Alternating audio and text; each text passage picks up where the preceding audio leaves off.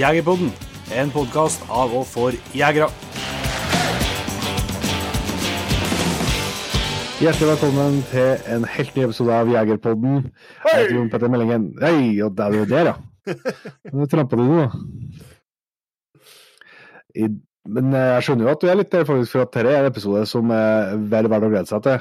Ja. Jeg har fått uh, vært på besøk til en Martin Haugen oppe i Kvelia i, i nordlig i Nord-Trøndelag. Mm. En, eh, på jobbursdagen hans, ikke, ikke minst. eh, 82 år ble eh, Martin eh, den dagen. Eh, og han har jakta gjennom et eh, langt liv og har en eh, langt over gjennomsnittlig god formidlingsevne, vil jeg si. Mm. Så her er det vel mer eller mindre to timer sammenhengende med eh, jakthistorier. Rett og slett. Gode jakthistorier. Gode jakthistorier. Så det er bare å glede seg på. Men eh, vi må jo som tradisjon tro fortelle litt eh, noe vi er i sesong om hva vi har holdt på med siden sist det var podkast. der har jeg en, eh, en liten eh, innsmett i noe som ikke står i notatene, Ja, som vanlig. Jeg fikk akkurat eh, inn på øret her før vi satte oss til og skulle spille inn, at eh, eh, den oksen som ble skutt for EK, ble bedømt, Okay. altså krona. Ja.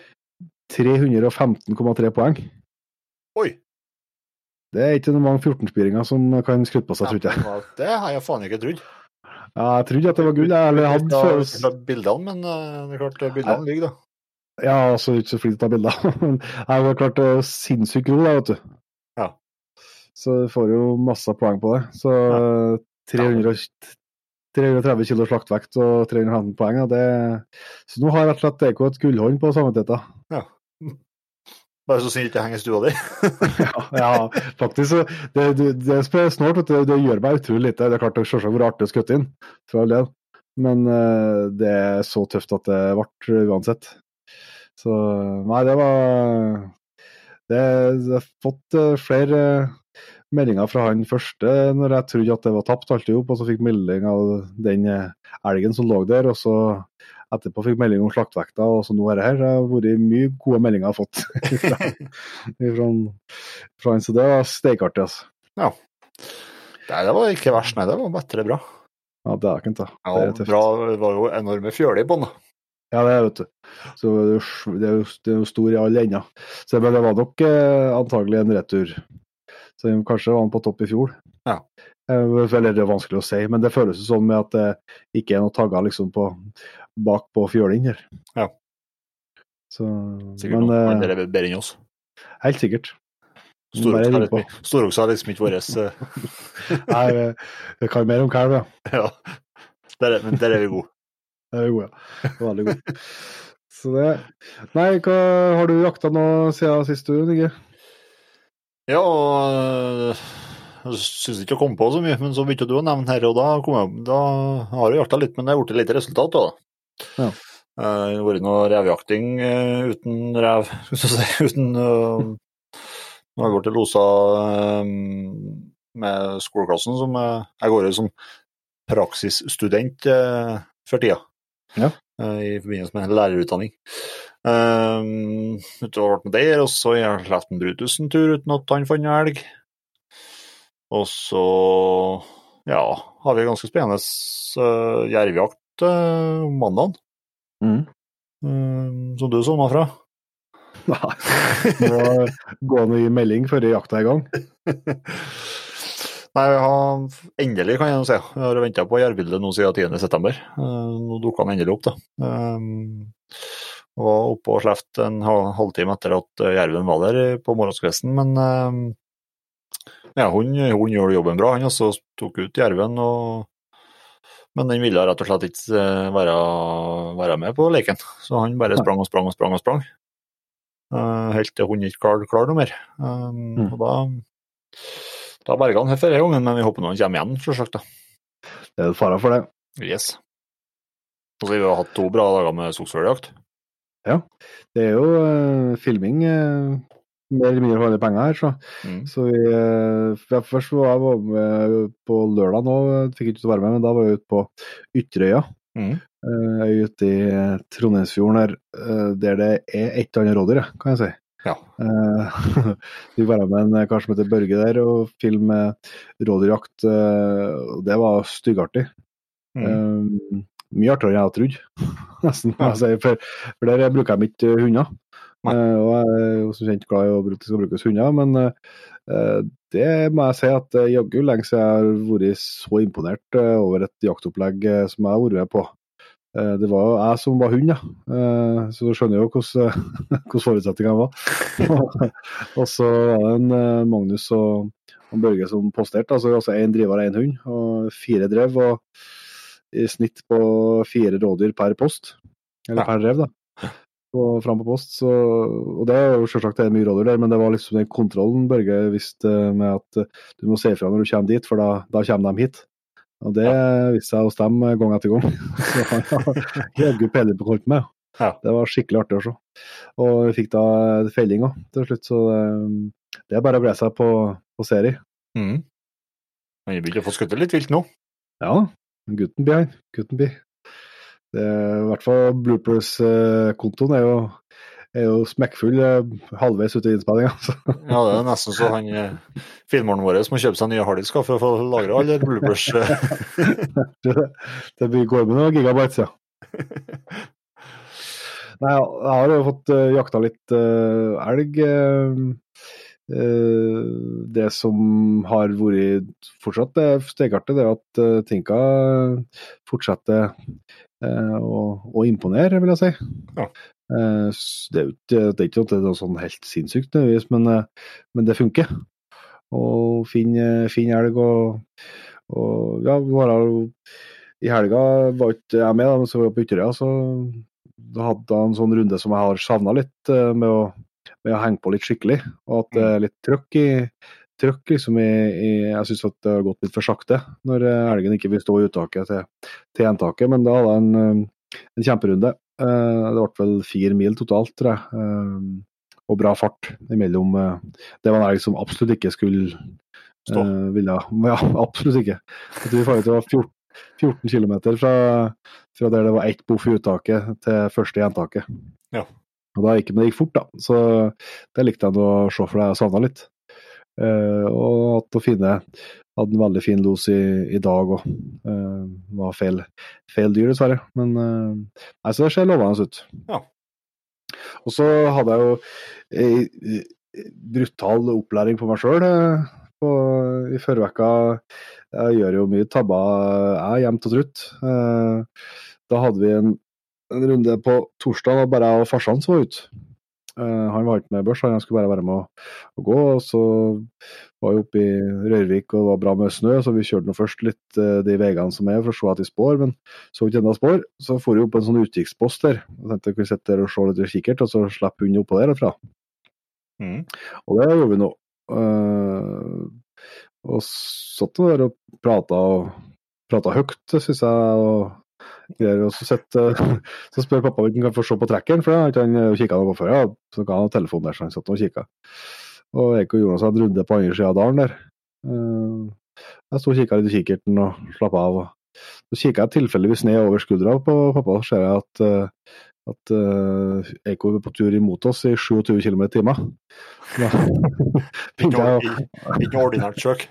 Nei, i grunnen ikke. Eh, Så nå kommer det elg, kanskje? Nei, det går ikke an. Jo, jaggu så kom jo en elg rett på oss der, i en skummel fart. da. Eh, Noe som vi var sikre på en fj- Det skal vi ha. Eh, Men det sprang oss rett på oss, så jeg prøvde å kaukefaste og greier, men det tok ikke. Eh, Så jeg tenkte at det blir nå vel er aldri å se igjen, men det gikk faktisk ikke så mange kilometer, så ble det bom stopp på Stålos. Ja. Uh, så skulle jeg smyge inn på her og der er en sånn det, var- det var jo ganske mange minusgrader, eh, sikkert en fire-fem minusgrader.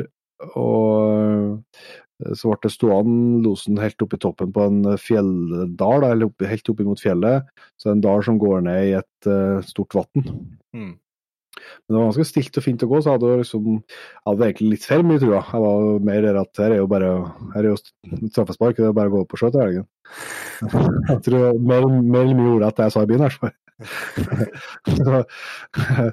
Eh, Men da jeg kom opp her, så var det jo helt blikkstilt, da. ikke et vindpust fra noen kant.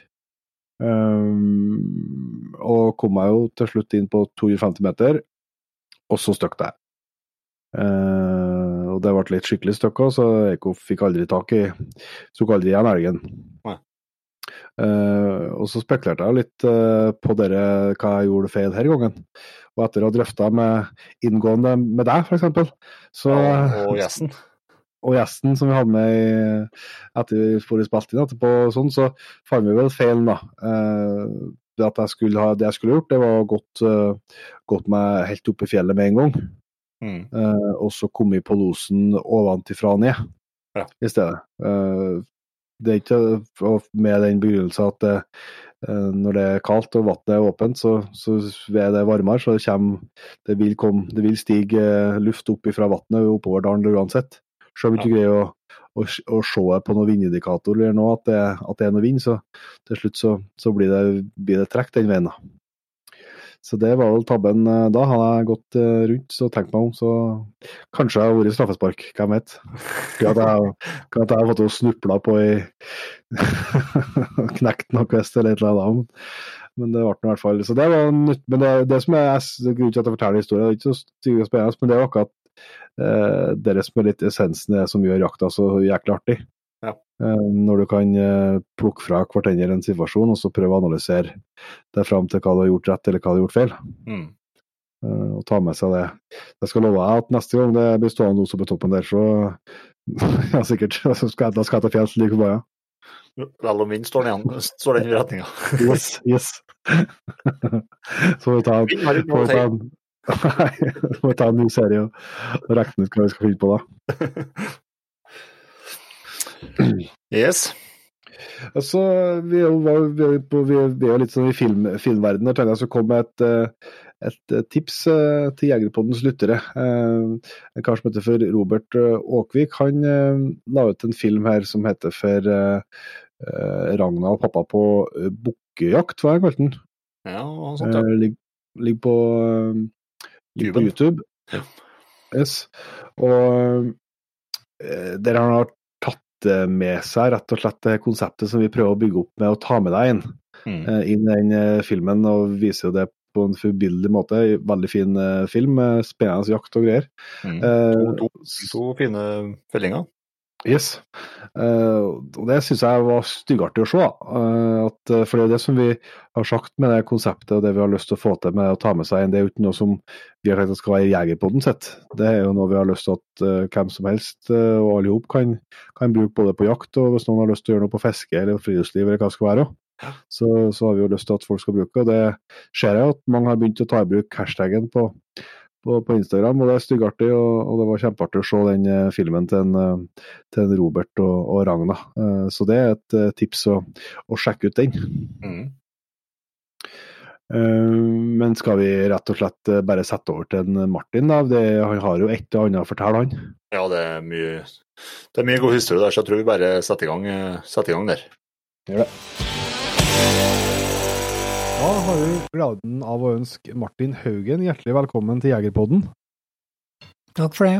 Ja, og tusen takk for at du, du fikk lov til å komme på besøk. At det til og med viser seg til og med på jobberstanden din. Ja, men det passer jo bra. Det Utrolig feiring. Eh, Martin, vi har fått eh, tips fra mange lyttere egentlig om at du er en kar vi skal ha tatt en eh, prat med, ivrig jeger over mange år. Eh, kanskje du kan eh, starte med å, med å fortelle litt om deg sjøl? Ja, vi var født før i krigen, ja, Jaha. som dere skjønner. Og så eh, Under krigen da var det jo alle hver levert inn og sånt, da, men det var noen som kunne få jakt hvis de hadde levd av jakt. Ja. Og eh, det var jo tilfelle da òg at eh, at det dukka opp igjen, da. Men eh, når det gjelder meg, da, så så øh, gikk jeg jo folkeskole som vanlig, og så gikk jeg framhaldsskole, og så gikk jeg øh, handelsskole. Et halvårig kurs på Steinkjer. Og så Du ble bygutt nesten, da. Ja. og så har jeg jo ikke tenkt å ta noe jobb utom uh, gården her, da. Nei. Men så viste det seg det at eh, det skulle jo starte opp anlegget oppe i Tunnsjøen på kraftutbygginga. Ja, ja. Og så var en eh, som arbeidet der, som, eh, fra Oslo, som, eh, for det var Bro Banebygg som bygde der, da. Som eh, bodde i kvelden her, og så hjalp meg han om å flytte inn når han kom. Så forteller jeg at jeg har f- til handelsskole, ja, men da skulle han ordne med arbeid. så, så da sa han ja, bare møte opp, da, for det var før jula. Bare å møte opp den første, eller første dagen etter jula, så, så skulle jeg få arbeid på kontoret der. så det gikk godt. så var jeg der nesten to år, da. Så, så slutta jeg der, da. Men før i det så er jo drev vi jakt, og straks etter krigen, vet du, så fikk folk igjen eh, de børsene som ikke var stjålet av tyskerrom, da, kan du si. Og da var det et gevær som eh, ingen visste som var levert inn. Ei sånn salongsriffel med rolling block-system. Jaha. Hva er rolling block? Ja, det er sånn klaff, vet du. Du drev perlen inn en sånn klaff, sånn, ja. og så lada du inn. Det er rolling block. Og så var jeg en, en på andre sida om dalen her som vant den på loddtrekning, og så var jeg dit og kjøpte den for 20 kroner. Men så var begge sikta var tåslige, for det var bare blyklumper igjen. Ja. Ja. Men så drev jeg og skjøt med det, og så lærte meg å sikte med den. Ja. Eh, Sånn at de traff blinken uten at de har ordentlig sikt, kan du si. og så var så dårlig hylse på salongskotta den tida at når det small, vet du, så fikk jeg krut oppi panna for hylser. Kanten på hylsa røk. så jeg ble jo litt skottredd. og så jeg drev og skjøt, og så tenkte jeg måtte ned til skogs og se om det var noe tegn til liv, da. Så jeg har med meg skott og fôr oppover skogen eller en bit, da. Så fikk jeg se en jerv, da. Ja. Nei. Så eh, vi skjøt nå på den, og den datt nå. Ja. Og så kom han som har hotellet på Gjedde, han het Vassdal hit. Og så så det ble ikke egentlig noen god forretning, det, for at han overtok den der Gjerpen, og så skulle jeg få en uh, sukkerdrikke når jeg kom på Gjedde. det har han aldri fått.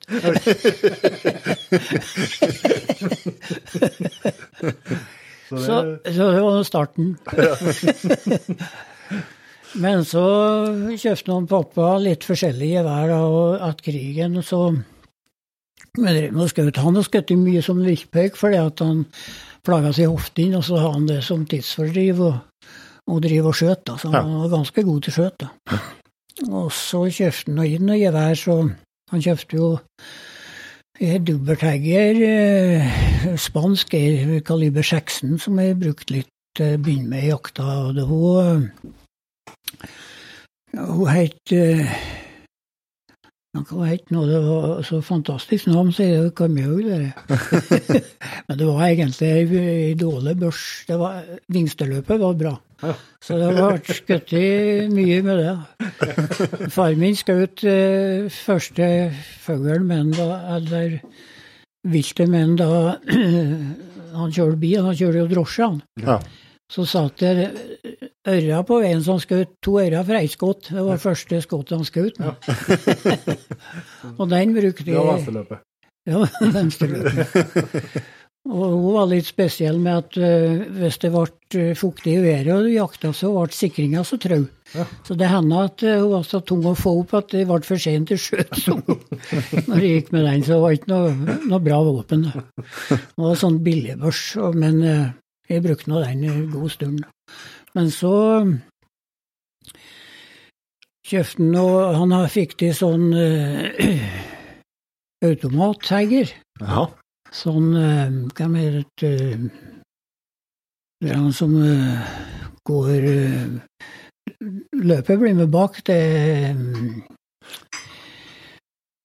ja, Nå kommer jeg nesten ikke på det, men eh, jeg skal komme på det senere her, da. Eh, Så da men han syntes den var for tung for meg, da, så derfor så skulle jeg gå med den eh, kaliber 6-en. da. Ja. Men så ble det jo så jeg fikk til i i tysk behag. Jaha. Dobbeltløp hegger da med kaliber 16 og så Men hun har eh, var litt problem å bruke, for det at når jeg skjøt mye så, og brukte fremre avtrekkeren, så slo jeg her. Så når jeg skjøt inn 10-15 skudd, så begynte jeg å blø. Ja, det var jo heller ikke noe lurt. så jeg bytta bort den eh, først i sånn enkelhegger, og så solgte jeg den, og så kjøpte jeg Remington, nei, eh, Winchester. Eh, Modell 12, kaliber 12, pump. Og det var kjempevåpen, da. Ja. Så det var sånn, jeg skjøt mye fugl med den, da. Jakta på ryp og Ja, storfugl, skogsfugl og sånt, ja. Men eh, det var mest av røp, da. Ja. Og det var jo mye mer røp i den tiden, så det på, Minst når vi for i 63. Mhm. Da for jeg opp i Havdalen tre turer og hadde med meg 100 skudd hver gang, og var skottløs to ganger. Så det er andre tider enn nå, ja. Ja. Men det, jo, det var noe skæren som samles om hørsten, da, som jeg drev og jakta på den. og Første gangen så tror jeg jeg har 27 røper, så det ble en del bom. da. Og andre gangen så har jeg 45, og så tredje gangen da har jeg ikke skutt opp alle skotta, da har jeg jo en 27 røper. Så det var annet fangst enn i dag, ja. Ja, ja. Men på den tiden så var jo noen som jakta livfjeller der de samles der. De skjøt jo 50 om dagen. Ja. Så det var utrolig med røp i den tida. Så det var noe bra. Når det gjaldt fuglejakt, så Sånn så lærte du å skjøte i flukt og sånn, så det var jo veldig god trening, det. Ja, Ja. ja få litt mengde, mengdetrening, da. Ja.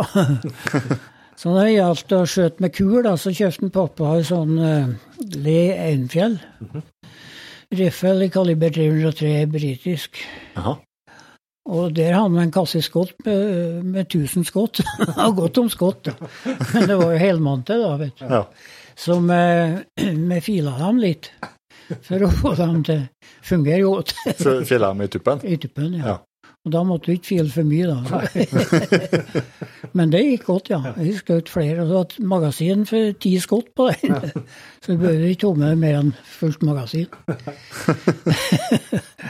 Så jeg skjøt noen elger med den. ja. Oppesikt, da. Oppesikt, ja. Det var veldig godt og gikk. Helt utrolig bra. Men det var, det var ikke noe fin børse, det var litt klumpete. sånn. Var det sånn eh, karabinløsning på den, eller? Ja, og så Det var jo en militærbørs, og Ja. det var litt klumpete. Og selve stokken så ikke noe fin ut, med kjempebørs å skjøt med. Ja. Så den var bra. Og så hadde han kjøpt noe, noe tysk mauser som jeg gikk litt på, men så kjøpte jeg en eh, Kongsberg-mauser da, som jeg brukte. Han var jo tung, men jeg brukte nå den velgejakt en del år. Da. Ja, Men så, sånn eh, banebørs, nesten, eller? ja. Ja. Og så kjøpte jeg med, i 75 kjøpte jeg en Remington eh, pumpmauser i 3006, da. Jaha. Og den eh, kjente jeg igjen på tre måneder. det er ikke mange som gjør. For jeg skjøt sjur, jeg òg. og flådde av. Og så var det en svenske som het Vassdal eh, oppe mot Jorm, som kjøpte opp eh, revskinn for en Sukkertrykka. Nei, for, for en svenske. Så kom han hit og lurer på Han har hørt jeg har revskinn. Så har jeg betalt eh, 2000 for den børsa. Og så var det 150 kroner for et sånt enkelt Viver kikkertsikt. Ja. Som var, var utstillingsmodell, så jeg fikk det for 150 kroner. Så det var jo billig utstyr, da. Ja. Og så Så det var 2150 kroner for det også. Når han kommer, altså på en 1500 for revskinna, nei, så sier jeg jeg 2000, så sender jeg til Oslo Skinnauksjoner, da. Nei, så betalte han 2000, og da var jo svenskepengene mer verdt, da. Ja, ja. Så da kjente jeg ham børsa. så det var jo fantastisk. Og den igjen, da jeg skjøt inn elmen i år òg. Ja, Du har, du har den ennå? Ja, Ja. den er kjempegod. Ja. Det er jo en billig børs, men helt utrolig bra bruksbørs. Ja. Samme kikkerten, eller? Nei, jeg brukte den i mange år, men må, han begynte å døgge, så måtte jeg skifte. ja. Så nå er jeg en seis på den. Ja. Ja. Men uh, i forhold til prisen, så er det utrolig børs. Ja. Det var kult, det. Så kvaliteten på løp og alt er bra. Ja. Men uh, det blir jo regna for ei billig børs, da. Nei, men det er ikke så mange av dem heller, til de Nja, pumperiflene. Nei, til pump ikke det. Nei. De bruker jo helst automat Ja. eller Ranna Remington med vanlig mekanisme. Men jeg likte den godt, ja. Ja. Du skjøt jo nesten like fort som en automat, vet du. Ja. Så det er bra. Nei, så, men så inne og kjøpt eh, så jeg har hatt en sånn steir, eh, 6,5 ganger 55, som jeg jakt eh, gaup med. Ja. Så den er jeg skutt i fem gauper med, og så er en sånn kombi som jeg skutt i gaup med. Ja. Ei gaup, da. Og så er det noe øh, Ja, jeg har noe Hatt forskjellige våpen, men det er jo det der han har brukt mest. da. Ja. Så her, når det ble bestemt at han har ikke lov til å ha mer enn seks gevær, så har jeg tolv, ja. så jeg var godt rusta, men det fikk jeg jo ha, Ja, ja. for jeg har jo arva noe og sånn. Ja. Men nå er jeg sju, da, for at du har lov til å ha et gevær som du kan trene med Ja. i tillegg. Mm. Så, så jeg er vel mer våpen enn jeg egentlig har bruk for. Men du snakka om, fuglejakta. Var det bare i ungdommen du drev med det? Du har holdt på med det hele veien? Nei, jeg har egentlig holdt på hele veien, men nå de siste åra har jeg vært så lite fugl at jeg ikke brukt noe mye tid på det. Nei. Nei. Men ellers så jakta jeg ganske mye fugl før, ja. Men du, oppi her, da, du sa 63, at det var et storår. Har det vært hos andre? kjenner du på andre store storår utover eh, Ja, det vet jeg var kjempeår som gang. Ja.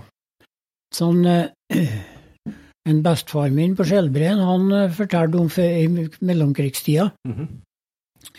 Da gikk en nordover fra Skjelbretunet. Dere vet jo ikke det, han hadde med brua på Skjelbreen. Ja. Og da hadde han med seg 75 skudd, og så skjøt han 77 røper. og det klarer han ikke bare. Så han la ned en del til steinrøys. Jaha. Og så skulle han opp og hente den neste dag, og da skjøt han full sekken da, så han måtte opp tredje dagen for ham. så da var han og røp han nå, ja.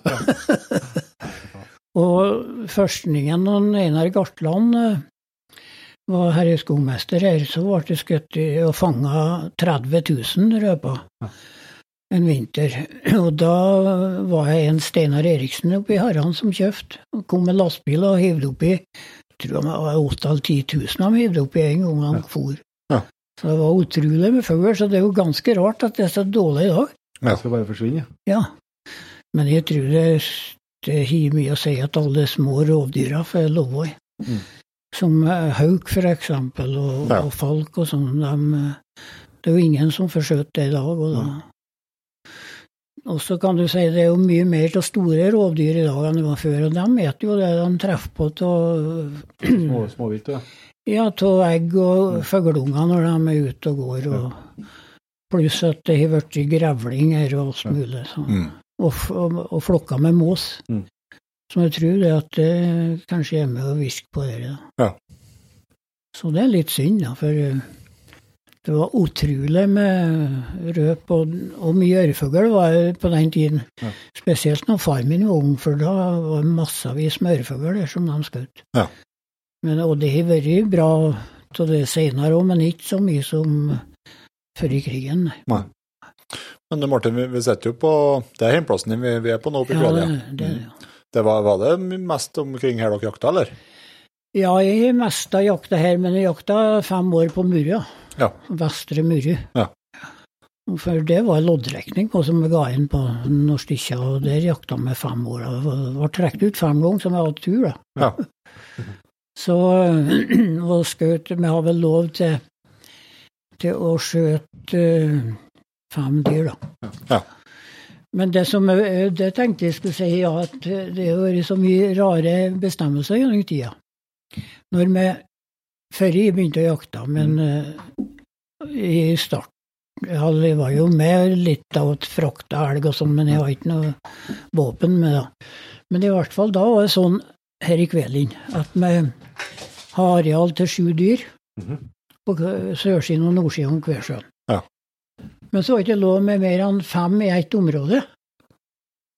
Og så var det mest elg på sørsiden, for det var ikke vei der, da, så vi har fem der, og så har vi to på nordsiden her. Ja. Og så jakta vi. Eller dem, da. Jeg var nå med bare som tilskuer i starten. Og det klaffa jo godt i mange år, i flere år. Men så, et år så ble det motsatt. Det var mest elg på nordsiden her. Ja. Og så var jeg lite på sørsiden. Så da Da må jeg ha én elg igjen. Da var jeg skutt i fem på nordsiden, og så øh, Nei, fyr på nordsiden, og så to på sørsiden. Ja. Så det var helt motsatt for for vi hadde søkt på, men bestemte jo sjøl hvem vi skulle søke på. Ja, ja. Og så skulle vi ha jakt på sisten, da. Så var det en som bodde i Tunnsjøen, som var egentlig fra Kvemoen, så han var med en lastebil som drev grusing. Aha. Og så var jeg jo elg på nordsiden der, så bra det året, så han skjøt én dag. Han kom en dag, og så Det var jo bare fem dager, så det skulle skje fort, alt i hop. Ja. Og så var det en på sørsiden som skjøt en òg. Ja. Og da har vi plutselig fem på nordsiden, og så én for mye. Ja. Så da ble det jo spørsmål om det der som var for mye, og da mista vi fire elger.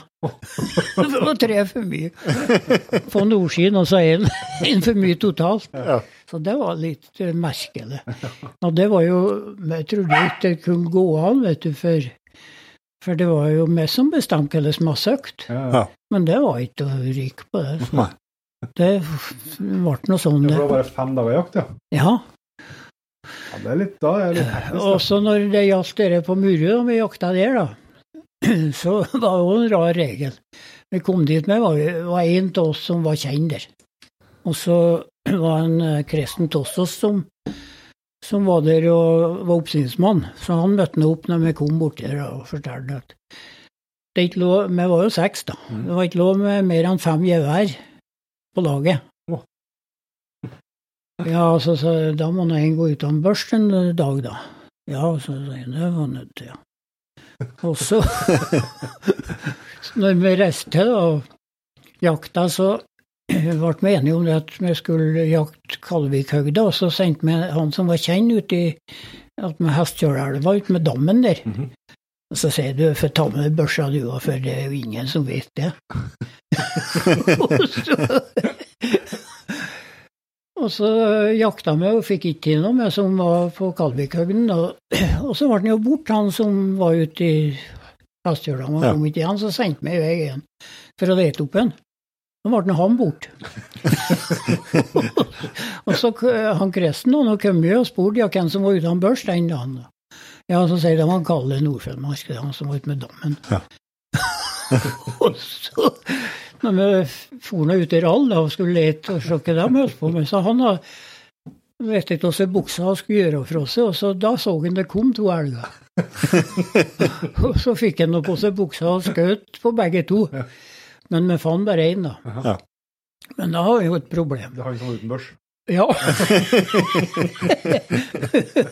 så tenkte jeg at eh, nei, nå må jeg bare si som dette. Så jeg for at kresten Kristent også, så sier jeg at eh, nå har han Kalle skutt i elg før han har hatt børs, han òg. Ja. Ja, da tenkte han seg om i stunden, og så sier han det. Ja, nei, han skulle ikke si noe om det, så det som jeg lova ut at vi gikk bare med fem børser etterpå. og da har jeg lyst med det på det viset at vi var jaktsjef halve dagen, og da gikk vi uten børs. Ja. Så skifta vi på hele tida. Ja, ja. Så ny kar ettermiddagen, og så ny kar neste dag. Ja. og sånt. Så vi fikk noe til, men det var jo litt bakvendt. Så sånne regler, det var jo helt utrolig. Ja. Du kan vi spekulere på hvordan du går å komme på det? Ja. Så det var ikke noe praktisk opplegg. nei. Og en gang når han Kalle Nordfinnmark, da var han var ikke jaktsjef om for- formiddagen, og så gikk han på en post han skulle ta. og Der sto en elg som han skjøt på, og så skada han den. Ja. Og så skulle han gi en til forretten der og se om vi fikk det inn, men han for nå på nabovallet, og så varsla med den, og han for nå over det og til Sverige, så han berga sikkert. Men eh, som Kalle, han tenkte når han ble jaktsjef om ettermiddagen, så skulle han gå på samme plassen og se hvordan det var når han var uten børs. da. Hvordan det var der han hadde skutt i. Ja. Og da sto en ny elg der uten noe børs. Så eh, det er mye rart som kan skje når det er i skogen. ja. Det er skogen det skjer. Nei, så sånn er det nå vært på Hvordan hunder sånt? Har du hatt noen hunder, jakthunder opp igjen? Ja, jeg har hatt med alle mine jaktår. Ja. Men eh, det er nå noen av hvert, da. Ja. Så hva har du hatt, da? jeg begynte nå med en gråhund, som, eh, men han ble ikke så gammel, så han ble ingen jakthund av. Og så, for aller først så lånte jeg hund på nabogården, for dem eller en sånn buhund. Ja. Som jeg har med meg i skogen og skjøt ei ikørn for, for han skjelte på ikørn oppi treet, så da for han helt opp i toppen. så jeg skjøt i mange ikørner som ikke har sett. for jeg skjøt bare opp i toppen der, der der skal være. der han skal være. Ja. Så kommer han som regel ramler av. Men så har jeg nå litt forskjellig. så når vi var på Jeg fikk til en eh, gråhundtisp på Snåsa Mhm. Av en kar der, og det ble kjempehund som spårhund, ja. Ja. Ja. Hun var helt vanvittig god. Så når jeg gikk på et nytt spor, også to av tolv, så knalla han gang for å varsle at det likte ikke. Så en gang Da var jeg og naboen der eh, reserva borte på Muru. Og så var jeg eh, han og Naboen min som var med, han skjøt en ganske stor okse en dag. Eller en, vi var i helg der, da. Ja. Og så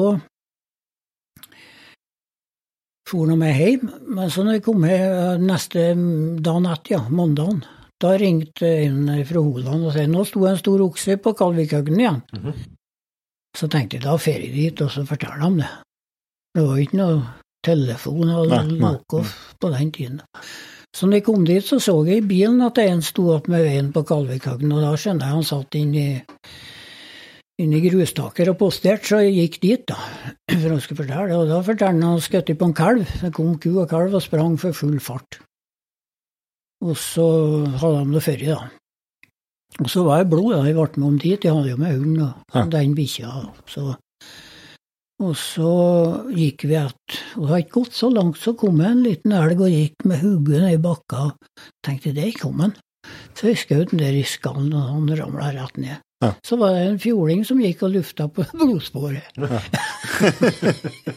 så måtte vi fly opp den, ja. Og så fortsatte vi på sporet.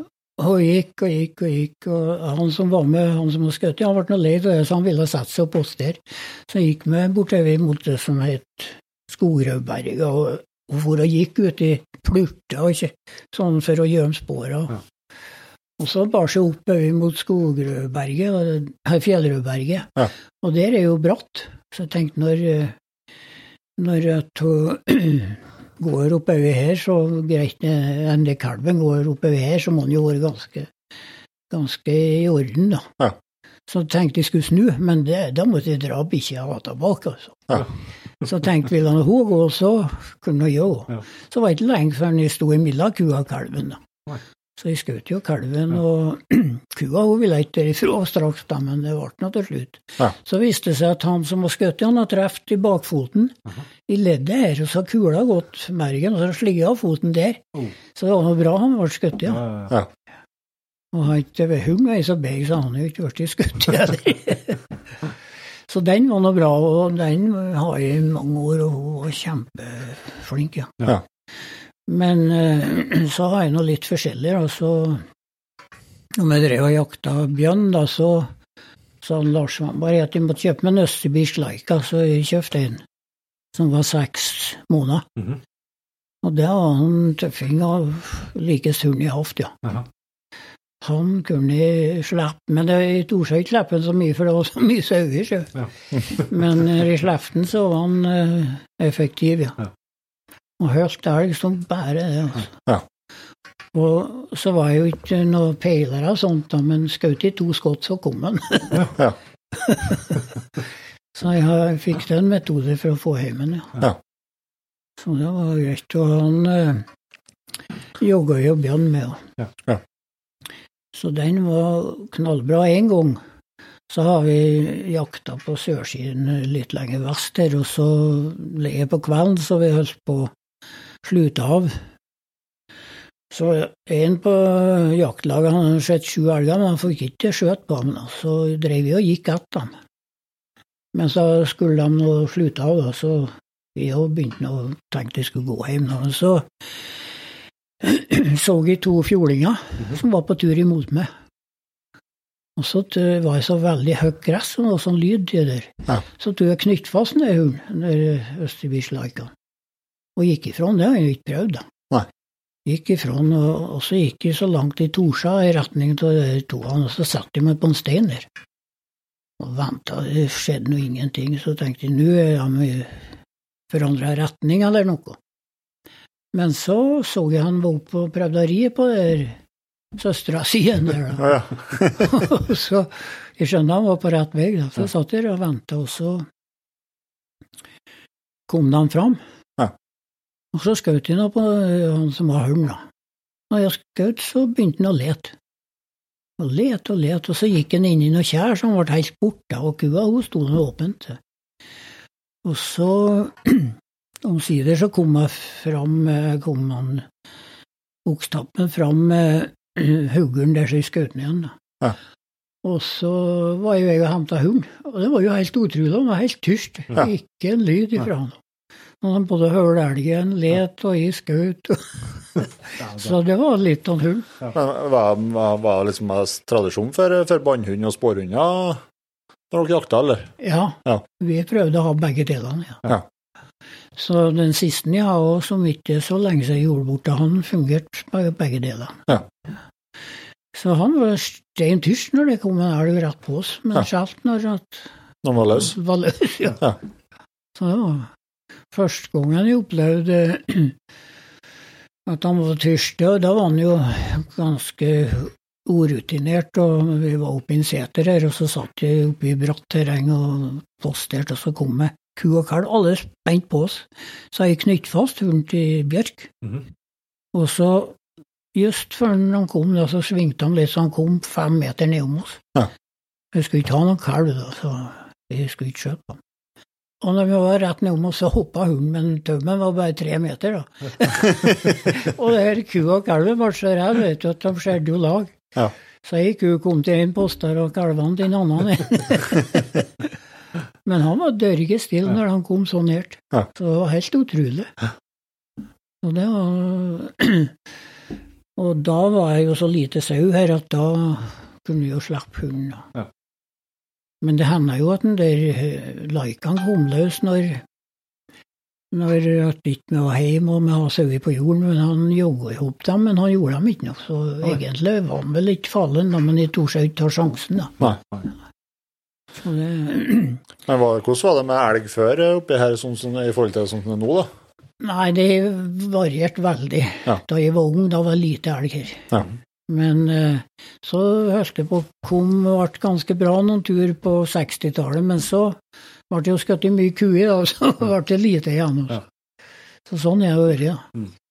Så, men nå er jo så mye elg som det aldri har vært. Ja. Ja. Så det er jo bra, det er en kjemperessurs, det. Ja. Og nå holder det jo på å dukke opp en og annen hjort her òg. Ja. Så det Nei, så vi er jo jakta Jeg er jo jakta bare hjem her når eh, Vi holder på nå, men det var de åra på Murud, da. Og så når jeg begynte å jakte elg, da var en som kjøpte hele Leirbakkdalen her. En som het Christian Støvik, og jakta et år. Og så neste år, når han skulle Så ville han at jeg skulle være med. Ja. Og så ble jeg med og jakta. Og øh, da, da skjøt de første elgen, for da Vi var et øh, fire elger opp øh, bakom berget og Storfjellet, her, og så for de nedover mot Leirbakkdalen. Ja. Ble vi enige om neste dag så skulle vi på den sida om elva. Ja. Og så skulle jeg postere på ei myr oppi her. Det var mange poster oppover der i dag, men det var nå ei myr der litt Og så gikk en liten tarm nedom myra, så jeg satte meg der. Så var vi enige om at hvis jeg skjøt, så skulle jeg skjøte to varselskudd. Ja. Og jeg venta og venta, og det var, skjedde nå ingenting. Men så var det litt dyreregn, så jeg var på regntrøy. Og sto der på post, og da var det året jeg fylte 17 år. Ja. Og så syntes jeg hørte noe oppfølg meg, så jeg kjekk opp over om jeg skulle se noe nær. Så jeg kjekk fram, og så sto en elgokse på 20 meter. Jaha. Og jeg skyndte meg opp med børsen, vet du, og så smala jo til den regntrøyen. Ja. Så han hivde jo rundt og for. og det, men så kom en over myra nedpå der, så jeg skjøt to skudd på han, så ble han liggende der. da. Så det var jo en bra start, da. Ja. Nei, så har jeg venta så lenge at jeg skjøt ikke noe varselskudd. Jeg tenkte han må nå være her snart nå. Men så tok det litt tid før han kom. Da når han kom, så sier han ja, han du skulle ha skutt i varselskott, for han husker på å skulle ha skutt i en annen, og så var det siste var det. da.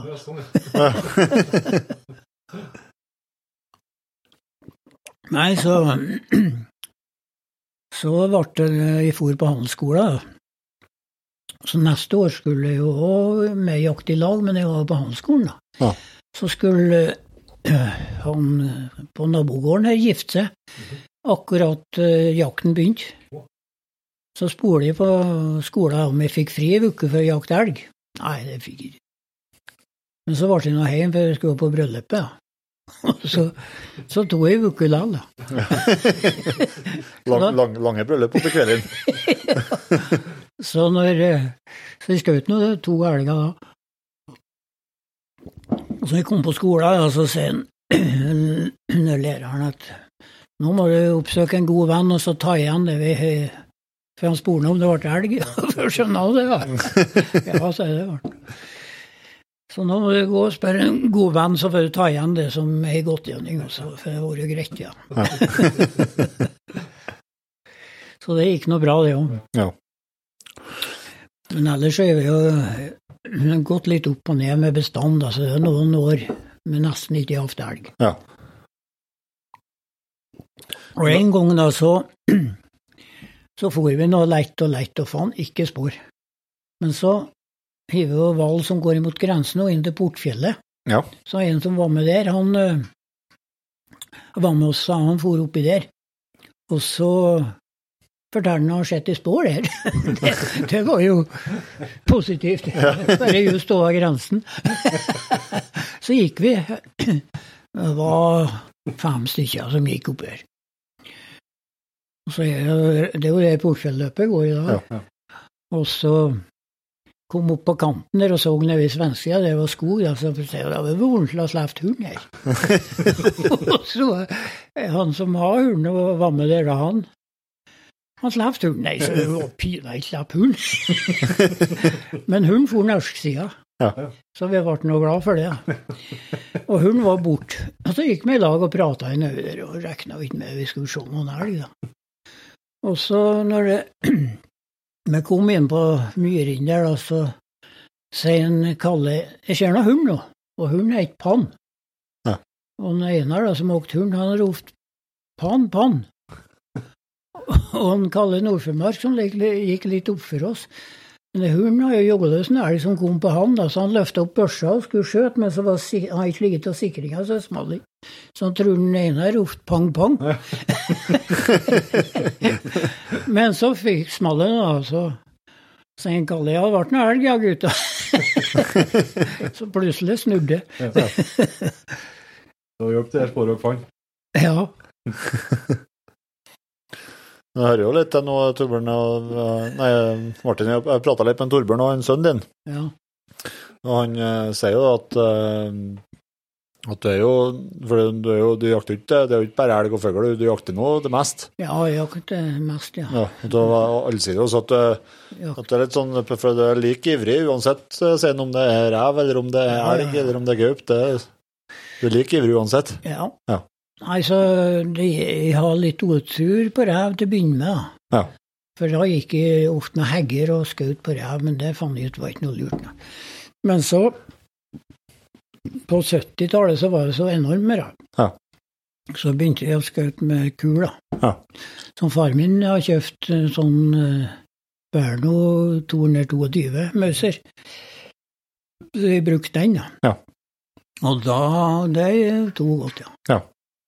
Så eh, skjøt eh, en vinter 24 rever. da. Re- re- Rente opp dem da, også på daglig, eller? Ja, jeg skjøt noen hjemme her, og så skjøt på renning og i fjellet òg, ja. Ja. Så jeg, eh, en dag jeg for til skogs og skulle hogge tømmer, og så var det så fint vær, og så stoppa motorsaga om morgenen at jeg hogg litt. og så. Nei, så sier jeg til far min nå har ferie på jakt. så, så var jeg hjemme og ordna med mat og for oppover mot Portfjellet. Og så når jeg kom opp på det som er kalt for Storkjønnhøgda, så satte jeg meg og åt, og så så jeg kikkerten, så så jeg en rev inn med Portfjellet der. Aha. Ja, så rente jeg dit, og så jeg kikk ned i porten, da, for det kommer det er en ganske markert port i fjellet der. Ja. Så var reven nedi der, så jeg skjøt den, da. Og så rente jeg videre inn der og opp i Lifjellet, som er litt vest for der, da. Ja. Så jeg rente jeg ved, så så jeg en brun flekk oppi der, så tenkte jeg det var rart det var en sånn flekk når det var snø. Men så var det en rev, vet du, som var- steg opp og sprang. Ja. Så for jeg Han jeg så han gikk skrått ned, sånn, så jeg rente i samme retningen, men holdt meg i samme høgda. det. Så plutselig møttes vi. Ja. så jeg begynte å skjøte på han, da, så jeg skjøt jo en god del skott da, før han fikk igjen, men jeg fikk noe til. Da. så jeg rente til Nordbakk, da, så har jeg med to rever. Så var det noen, noen oppi der som jeg jakta lag med, så jeg sa til en av dem da at i morgen så drar vi opp i Livfjellet igjen, og så ser vi om vi er født igjen. Rev til, da, for det, på mars er det husker vanskelig å jakte rev oppe i fjellet. Ja. Så jeg for og og høst på oppi der, så så vi det at det sprang løs en rev, og så var det en sånn dal han for ned i. Så sier vi renn, det var jo ganske bratt der, så vi renn ned og fint før, da. Og så kjører vi oss ned i dalen og så poster. Men så han kom nedpå, så sier Sverre at han eh, satte seg der, han på kanten der. Og vi kjørte helt ned i bunnen der, og tok bare et minutt, så var han der. da ble det en rev der òg. Ja. Så jeg har litt sånn eh, erfaring med det, da. Ja. Men eh, mest jeg skutt i rev, det er jo når jeg, i lammingen. Ja. Når jeg er oppe om natta Ja. og har det godt. da. Ja, for du drev i gård, eh, Ja. gård det hele, hele livet, eller? Ja, nei, når jeg for i militæret, så solgte far min alle krøttera, for han har jo kuer og sauer og gris og høner og alt som var, men han Ja. var jo Han er født med hofteunderledd, og så han har vært på Han lå jo fem år på Namsos med gips, for han kunne ikke legge dem i put i den tiden. Nei. Så han eh, var jo som sagt fem år der, så og så var han en del hjemme da, så, og begynte litt på skolen og sånt. da. Men han ble jo ganske bra, men så begynte han å skulle arbeide da han ble gamlere, så, så han fikk jo problemer med hoftene. Altså, han eh, kjørte drosje, og så drev han gården med å leie folk, da, så han har som regel to piger og to drenger. Ja. Og så drev han sagbruk om eh, vårene. Ja. Så han administrerte og så leide folk, da. Ja. Men så når jeg skulle i militæret, så, så solgte han alt, da. Ja. Han fant ut det var ikke lønnsomt å leie folk på det som det var da. Det var i 58, da. Ja. Og så ble jo det der med når jeg var ferdig, og så ble det det anlegget oppe i Turnsjøen i Ja. 60 som jeg fikk arbeid på. da. Ja. Og var der i to år, og så flytta jeg hjem, og da, i 64, og så begynte vi med sau. Ja. Og så bygde opp en buskap til vi har vel 100, da, som var et års, årsverk på den tiden. Ja. Og da vi, Det gikk jo veldig godt. Jeg har ikke noe problem. Sauene kom stort sett hjem sjøl. Ja. Vi gikk, eh, jeg har kjøpt nabobuskap, så jeg har dalasau i nord, så har jeg spjærsau øverst over. Nesten ikke noe tap. Nei. Ikke noe arbeid med å få hjem sauene eller noe. Nei. Men så i 1980 så begynte problemene. Ja. Så da var det som jeg nevnte, at vi vi skjøt den første bjørnen på betinga fellingstillatelse. Ja. Og da var det to personer som for og lette. Det var revet sau på sørsida her. Mhm. Så de drev, drev og lette kadaver, da. Ja. Den, og da har vi felles sausanking. Ja. Den første dagen det var fellingstillatelse. Ja. Og så var jeg og en til opp med Nordbakk og gikk inn og lette sauer, og så fant jeg en revysau som jeg skjønner Bjørn og tie. Ja. Så gikk jeg ned her, og det var jo ikke noe mobil, da. Nei.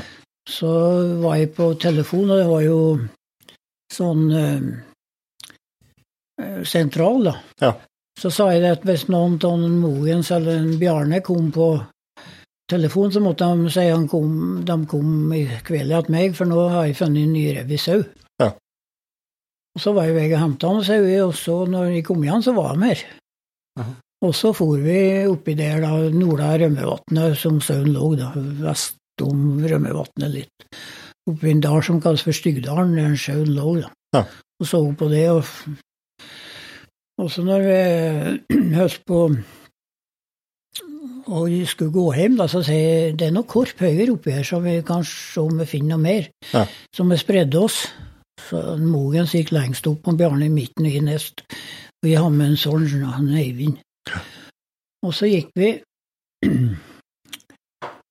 Og så, når vi har gått en bit, da, så smalt det et skudd.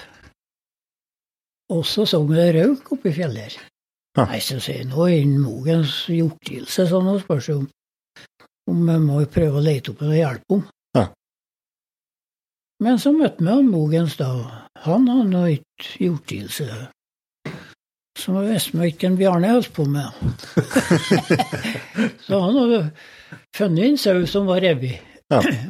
Og som var, var, han skulle kjenne om han var varm, da, så han satte børsa med ei bjørk der, og så bøyde han seg ned og skulle kjenne om han var varm. Og når han holdt på der, så hørte han det plystra, og når han kjekk opp, så sto Bjørn på 30 meter. Ja. Så tok han børsa og skjøt, og idet han skjøt, så så han han rørte seg. Så han var litt usikker på om han traff. Ja. Og hunden hans ble så redd, så han snøra bare rundt fotene hans. så da gikk vi nå i lag, da, når vi treftes, og så gikk vi dit han var skutt i. Ja. Og Bjørn sprang av bare 70 meter, så lå han død der, så det ble jo greit. Ja. Så det var den første som ble skutt på betinga fellingstillatelse. Det gikk fort, det gikk forholdsvis fort, da. Ja, det var første dagen, det. Og det var jo noen som mente at han var skutt i før, da. Men det var han jo ikke. Og så ble det jo Så det øka på med problem, da. Ja. Så ble det revet mye på Holandfjellet her og bortover mot Limanvika. Så fikk vi fellingstillatelse. Og da fikk vi hit en eh, Lars og Bjørn Svanberg, så de eh, hjertet oss som Lars Svanberg skjøt inn i 81. Ja. Og så jeg tror han skjøt inn i 82 når han hjertet oss òg. Ja. Og så i 85, da Da er jeg leder for fellingslaget, da. Så var jeg revet mye borte her, og så Da med Ja, det var jeg som var på bærplukking i Sverige. Vi hadde drevet og lett etter bjørn da, så når hun kom og kjørte hjem, så så jeg en bjørn som for over veien bort med kvedet, hit om kvedet der. Ja.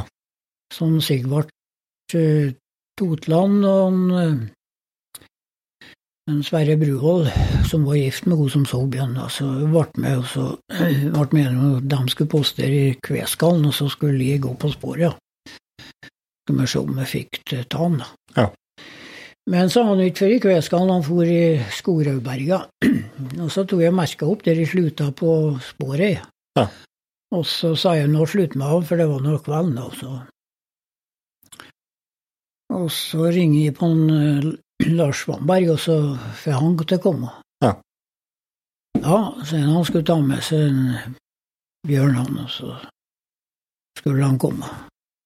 Men så sier han eh, kom bare en Lars, da, så sier han en bjørn sa det regner i dag, og da blir ingen bjørn. For da ligger han. Men så posterte han meg ut. Og så han eh, Lars Weinberg kjøpte en hund til en same som han har fortalt at han jager bjørn som bare det, og var kjempegod på spor. Og, jeg har med han dit jeg har merka opp der i slutta på sporene. Hun viste ikke noen ting. Nei. Da han ble noe forbanna at han skulle nå ta en prat, men det slapp han. Men så eh, Mogens gikk på post, så skremte han Bjørn. Ja. Og så sprang han eh, eh, bortimot grustaket bort eh, med Muruseteren. Og der sto en Arne Kvøma. Ja. Og han skjøt i skott på når han for over veien der.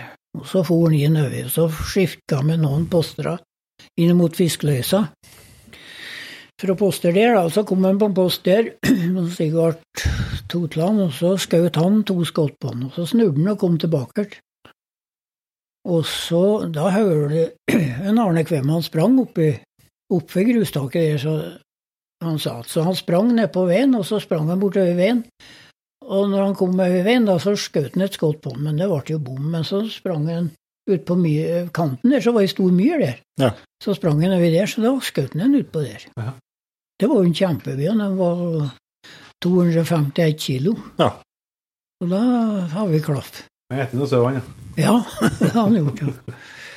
Så jeg visste han hadde truffet i på han. Ja.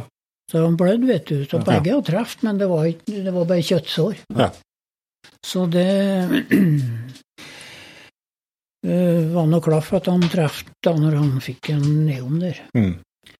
Men vi skjøt ganske Vi skjøt jo totalt over 20 bjønner på det her På skadefelling. Skadefelling, ja. Ja. Så kommunen fikk jo ei stund eh, tre bjønner og betinga felling som kommunen styra. Ja. Og det var jo Ja, sånn skal det være i året. Sånn skal det være nå òg. ja, for da gikk det så fort, da. Ja. Så det var jo utrolig bra. Ja. Så det var jo en gang Da kom det Ja. Da var revet mye på fjellet her, også om våren Vi har jo søkt om høsten da, og ikke fått noen fellingstillatelse. Så om våren så kom en bjørn over borti på Kalvikhøgden, og så for jeg dit. Jeg hørte det var spor, der, så for jeg baksporet, og så fant jeg i rådyr som var revet av bjørna. Så søkte vi. Det var jo snøfør ennå. Og så gikk det 14 dager, og så fikk vi lov til da. Fortsatt på sporet. Ja, det var ikke så lett. Men så var det noen som var oppe i Hestkjølen og fiska. Ja. De eh, har funnet ut han var oppi der. Ja.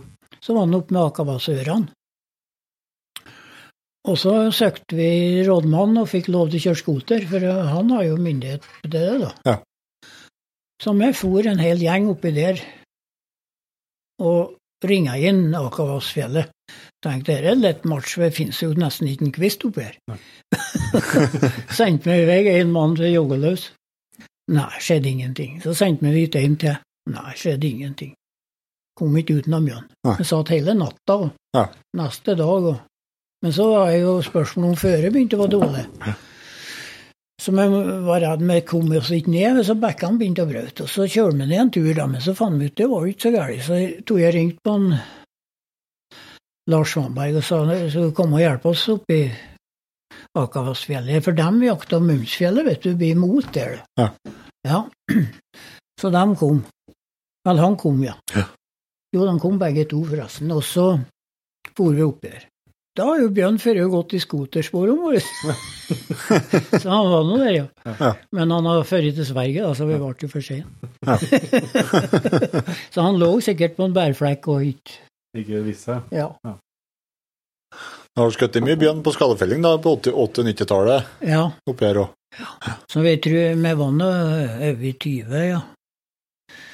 Vi har vært med på ti av dem, ja. Ja. Og to av dem er litt spesielle, for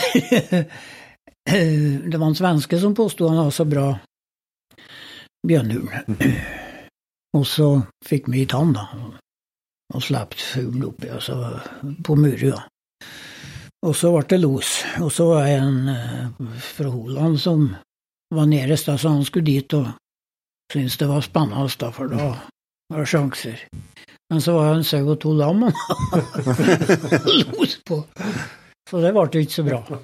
Men så for han hjem, og alle skulle nå dra hjem da, på ettermiddagen, men så var det to fra Oland som sier Men vi på Oland vi kan jo sette oss ut og poste i kveld, da. Ja.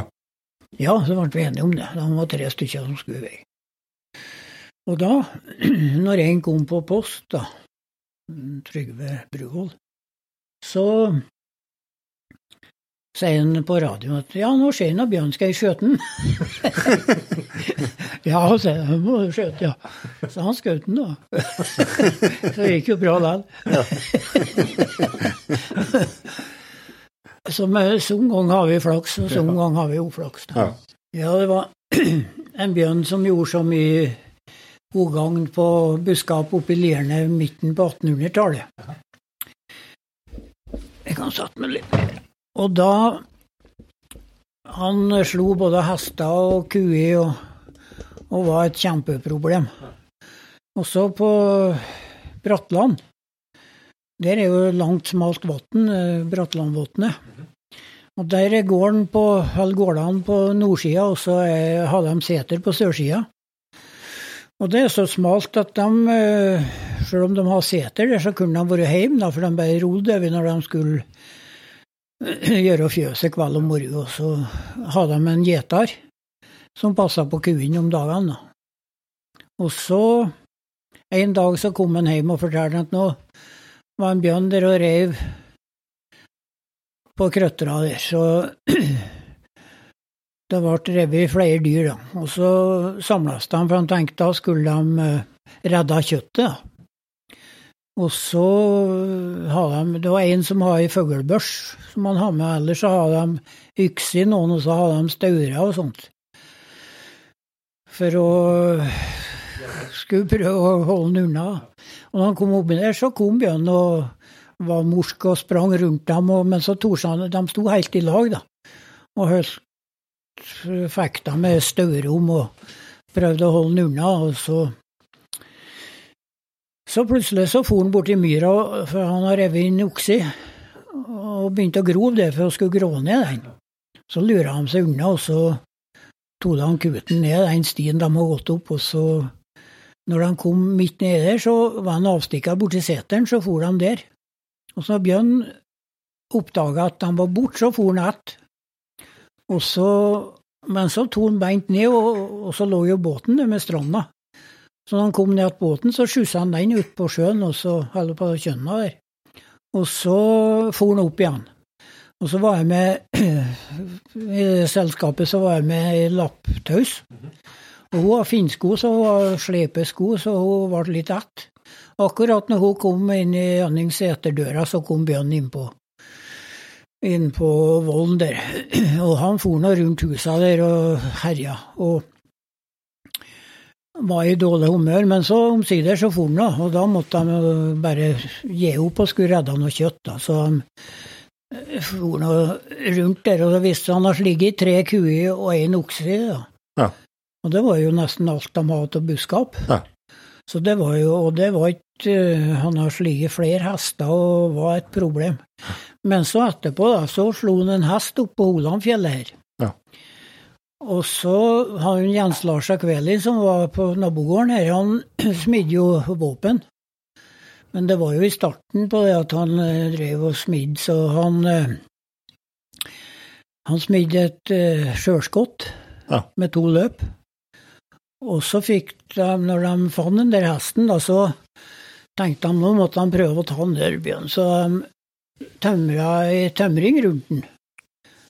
Og la tømmer over, og så stelte de til en åpning framme han i, da, sånn at han skulle gå inn, da, så satte de sjølskottet der. Ja. Og Jens Larsen var med og ladda, og det var han som kunne det. Ja. Og første natta så smalt det, og når han kom dit, da, så var det en elghund fra Holand som var gått. Men så så de det at da hadde de lagt, satt løpet for lukt. Ja. Så de eh, satte løpet høyere, og så ladda han noe et som en Jens Lars har sagt, da, men de kunne ikke akkurat det med krut og sånn, men de la til så de skulle, trodde det skulle være bra. Ja. Og så gildra de og, og gjorde det klart, da, og så, så smalt det igjen. Ja. Og da han kom dit da, så han skjønte at han skulle ikke gå inn i åpningen.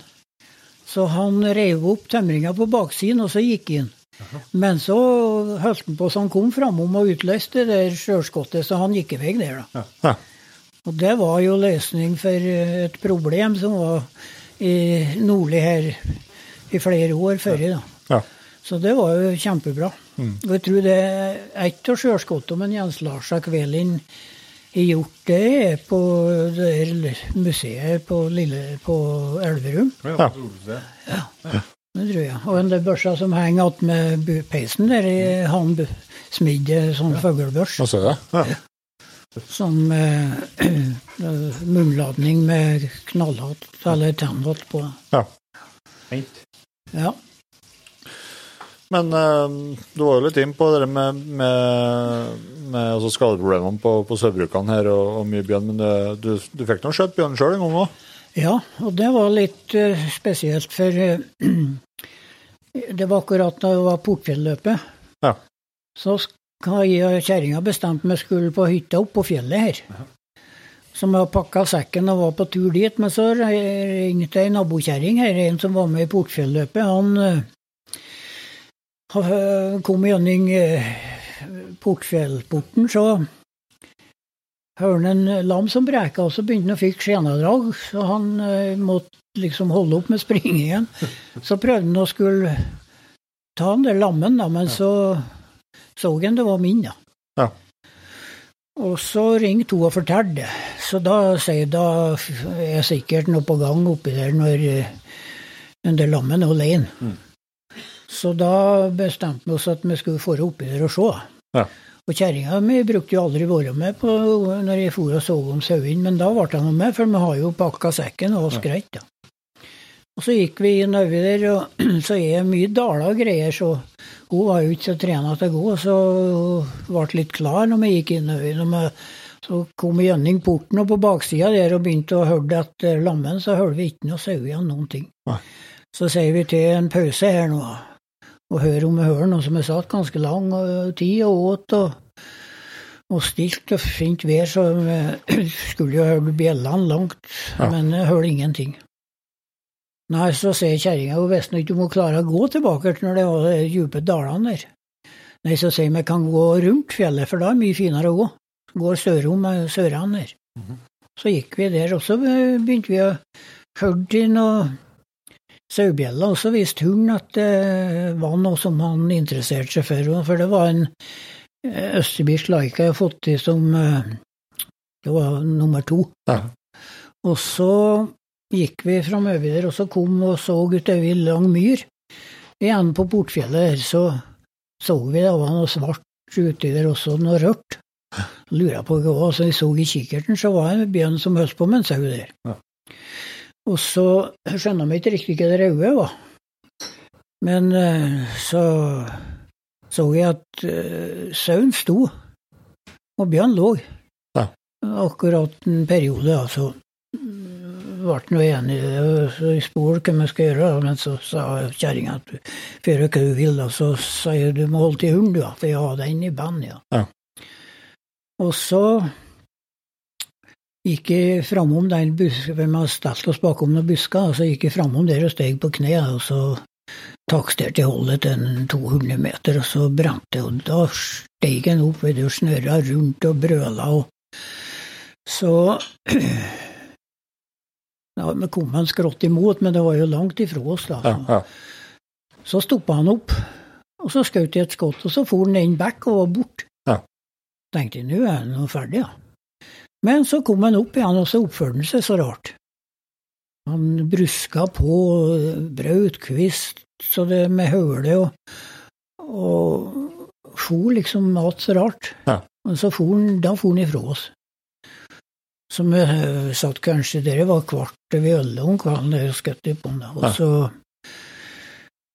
ble han borte omsider, så vi så han ikke mer. Så så vi det var en, satt på en myr, som også gikk en nedover, men så var nedi der så var en kant eh, med berg der som gikk opp. Så sier vi sett oss bakom der nå, så sitter vi der. Ja. Så da tenkte jeg, da gikk han i vei, da. Han var skada eller hva han var. Og så satt vi der i to timer. Ja. Og så sier jeg nå går vi og ser hvordan det ser ut der. Og så gikk vi ned til sauen. Og det visste Røe det var at han har ranga av skinnet på ei side på ham. På sauen? Ja. Ja. Så det var dertil det ble så rødt. Liksom. Ja. Ja. Og sauen var nå død, da. Ja. Og så så vi at han hadde blødd. Ja. Jeg sier nå, nå går vi ikke ettom, nå går vi rundt og prøver å komme over den. Og jeg har jo tatt med meg børsa, men jeg var ikke forberedt på å skjøte bjørn. Altså, jeg har tatt med seks skudd, men det var jeg ikke riktig sikker på hvor mange skudd det var. Nei. Og så, når vi gikk og, og har kommet så tror du vi var overmen, da, så sier Elin nå kommer han. Vi gikk jo så vi og fram, vi. Men han var overom oss og kom nedover. Da var han egentlig tenkt å ta oss, kanskje. Eller, men så kjente han vel han var ikke i form, så han Men før han hun har fått tigge hund, og jeg skjøt jo skudd akkurat når han kom inn i noe tjær der. Ja. Men det gjorde nå ingen morgen, han forsvant inni der, da. Så sto vi nå der og kjekk, da. Så sto jeg og passa på, og så sier jeg jeg sier til Eli om å gå bort på en plaster og se om hun ser noe. Ja. Nei, så holder den inni der. Ja. Så til slutt så kom han opp. Og så gikk han på to opp over bakkene der. Ja. Ble litt brydd av det, og så skjøt de liksom imot ryggen på ham, da. Og så brøla han, og så hørte vi han pusta to ganger, og så ble han borte oppi her. Og så sier da da må du se mer om du ser den, så skal jeg stå og passe på her. da. Nei, hun så ikke den. Så sier jeg da går vi rundt på nytt Ja. og kommer, prøver å komme over den. Også når vi kom, da ble det litt flatere der, for det var veldig bratt der han gikk opp. Og så kom vi til vi myra der, og så så jeg det var noe så brunt som stakk ut på hver side om ei bjørk der. Ja. Så sier jeg du må øh, holde lei hunden du nå, så skal jeg være klar hvis han eh, lever, da. For jeg så det var bjørn, da. Ja. Så gikk vi til det var en eh, ja, tolv meter eller noe sånt borti, så hivde jeg en kvist bortpå den, men det var ikke noen reaksjon, da, så Nei. da var han jo død. da. Ja. Men akkurat før jeg skjøt det skottet når han gikk på to, så, så har jeg jo sett på skottene jeg har igjen, og så viste det seg ett var jo feil kaliber, så jeg har egentlig bare to skott igjen, så da begynte jeg å finne ut jeg måtte være forsiktig. Men det ble nå greit, da, så Ja. han må nå dø også. Men så så jeg det var jo Jeg tenkte jo på det når jeg så han på avstand, og så ikke han har ikke noe hæsj, sånn med sender. Nei. Men så var han jo ommerka, Ja. for han har blitt sår i hersen. Ja. Og så hadde han satt på en merke i øra som var sånn sender. Ja. Så når jeg så det, så sier jeg da er vi ikke borti det med, vi bare lar den ligge. Og så Ja. går vi ned, og, og da vi kom på veien, da, da var det klokka fire om morgenen. Ja. Nei, så kjørte vi hjem, så sier jeg da legg med oss, for nå begynner å leve når de får høre at det er skutt i bjørn. Så vi la oss, og så steg vi opp klokka her ti, tror jeg var. Ja. Så ringte jeg på viltnemnda, og, og så ringte jeg på og lensmannen, ja, og så ringte jeg på en Pål Aam Mm. og fortalte at nå har vi skutt i bjørn. For jeg har jo ringt på han og sagt, for han ville komme igjen og filme når, når eh, jeg har funnet revisau. Og så var jeg funnet revisør som naboen, men ikke som meg, så jeg ringte jo på den gangen. Nei, han skulle vente til det var funnet revisør som meg, da. Men eh, det ble jo ikke Så da når jeg ringte på han, så sier jeg nå er jeg skutt i byen. Ja, da må du prøve å holde igjen så ikke politiet kommer oppi her. Så skal vi komme så fort vi kan. For, da, var, du var med på et sånt var drev dere å filme da, i forbindelse med, med sauenæringa og sånn, Ja, eller? han har jo filma både i lamminga og, Ja. og når de slapp ut sauene, og så skulle han komme igjen da når, når eh, vi fant en skada sau, da. Ja. Eller død sau. Ja. Og så sa han han skulle ta fly til Trondheim, og så skulle han eh, ta leiebil derifra. Og så kom det lensmann, og det kom jo tre politibiler. og Når vi satt utpå her, da, så kom det helikopter. Så har jo TV 2 ordna helikopter i Trondheim, så han var her på to timer fra, fra Bergen. så det tror jeg er rekord. Ja. Bergen, Bergen kveld. Ja. og så sier lensmannen og så helikopteret. Nei, nå finner de bjørn. Nei, så skal jeg garantere, han finner ingen bjørn. Og da satt vi og prata litt om det, da. Så dagen etter så Men nei, det var nå den dagen, ja. For en Ole Jakob Sørensen han er jo hytte på sørsida om uh, Sandsjøen Ja. Men Larskjønna, Så han var der, så han kom nå. Ja. Og så bar han oppi der, da, så kom noen journalister og greier. Og, For da, Så- for da var nød, du, du var nødverge. Ja, Nødverge Snorre, da. ja. Så jeg sa at de skjøt jo når han holdt på med sauen, og sauen levde og sånn, så det var jo nødverge. Så kom det ei fra adressa og sier nå stelte det litt vanskelig nå. Ja, sa jeg, det er noe fra før. ja, det er jo ikke lov, annet enn for å redde sitt eget liv, sier jeg. Ja. Jo, så sier det står nå i loven at vi er redd til å, å forsvare oss buskapen. Ja. Nei, det tror jeg ikke noe på. Nei. Og myndighetene, de har jo, i hvert fall miljøvernavdelingen, de har jo liksom prøvd å få det dit hen at nå var ikke lov å forsvare buskapen. Det var i 98. 98, ja. Den 28. juni. Ja. Det så det ble jo den 29. juni. Ja. Ja. Men så var det ikke nok med det. vet du, Vi var nå der og så på den der. Og så har jeg med en Eivind, ja, sønnen min, som er, nå er i Sverige, egentlig. Så så han at det var merk rundt hersen på en sånn. Så han begynte å så på det. Nei, sier Ole du får ikke se på det. For det vet, har vært betent, det, vet du, så det var slettig rundt. Det var derfor de har skifta skifta sender på den. Ja. Så det ville han ikke vi skulle se på, nei. Men eh, så var ikke nok med det, da. De filma nå TV 2, og det var noen flere som uttalte seg der. Og så morgen natt så har vi en gjeter, en, eh, en Bengt Steinar Nordbakk, og gjeter hos oss. da. Ja. Så kom en saueflokk ned den morgenen natta. Og så begynte de å fòre opp i Østerlia, for jeg har jo litt med det der å gjøre, og journalister og sånt. Og så begynte de å få lam som gikk alene oppi her. Ja. Så ble det jo flere som for og lette, og så fant de uh, revet sau og Og så øh, ringte de på TV 2, for de har ikke vunnet før. Ja. Så sier de må komme, for nå har funnet mer som er revet og skadd. Og, og så kom de oppi der, og da hadde de eh, funnet i en sau med to lam som eh, var skada. Sauen var skada, da. Ja.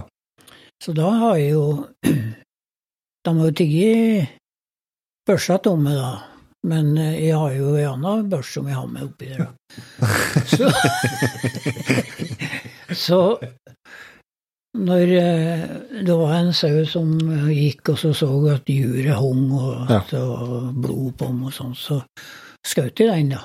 Ja. Så var han oppe med, så kom han, når jeg skjøt den, så kom han ned så han ramla framom, og så kom noen lamma dit, da. Og Vi så jo før at de drev og prøvde å skulle suge, men juret var jo helt Ja, ja. Og så det ble jo filma, da. Ja. Og så da var det mange som, når de så den filmen, så var det mange som ringte og sa det var det verste de har sett. Mm. Så øh, det var jo ganske utrolig at det klaffa sånn at vi fikk med alt det. Ja. Så det ble jo litt av historie. Og så ble det jo anmeldt, da. Ja. At det var ja, skutt freda dyr. Det kan være som anmeldt, ja. Ja, fylkesmann. Er. Miljøvernavdeling. Ja. Så da fikk jeg noe Så ble det noe herredsrett i Ja. Namsos. Ja. Og der ble jeg frikjent. Det var Nari Kobro som var sorenskriver, og som sto for den rettssaken da med en del ja, folk eh, Og tre to, en, Kore, Are Kobro og to domsmenn. Ja. Og Det ble frikjent, og så anka de. Så ble det lagmannsrett. Ja. Og da var det i Trondheim, og det var det var tre hoveddommere.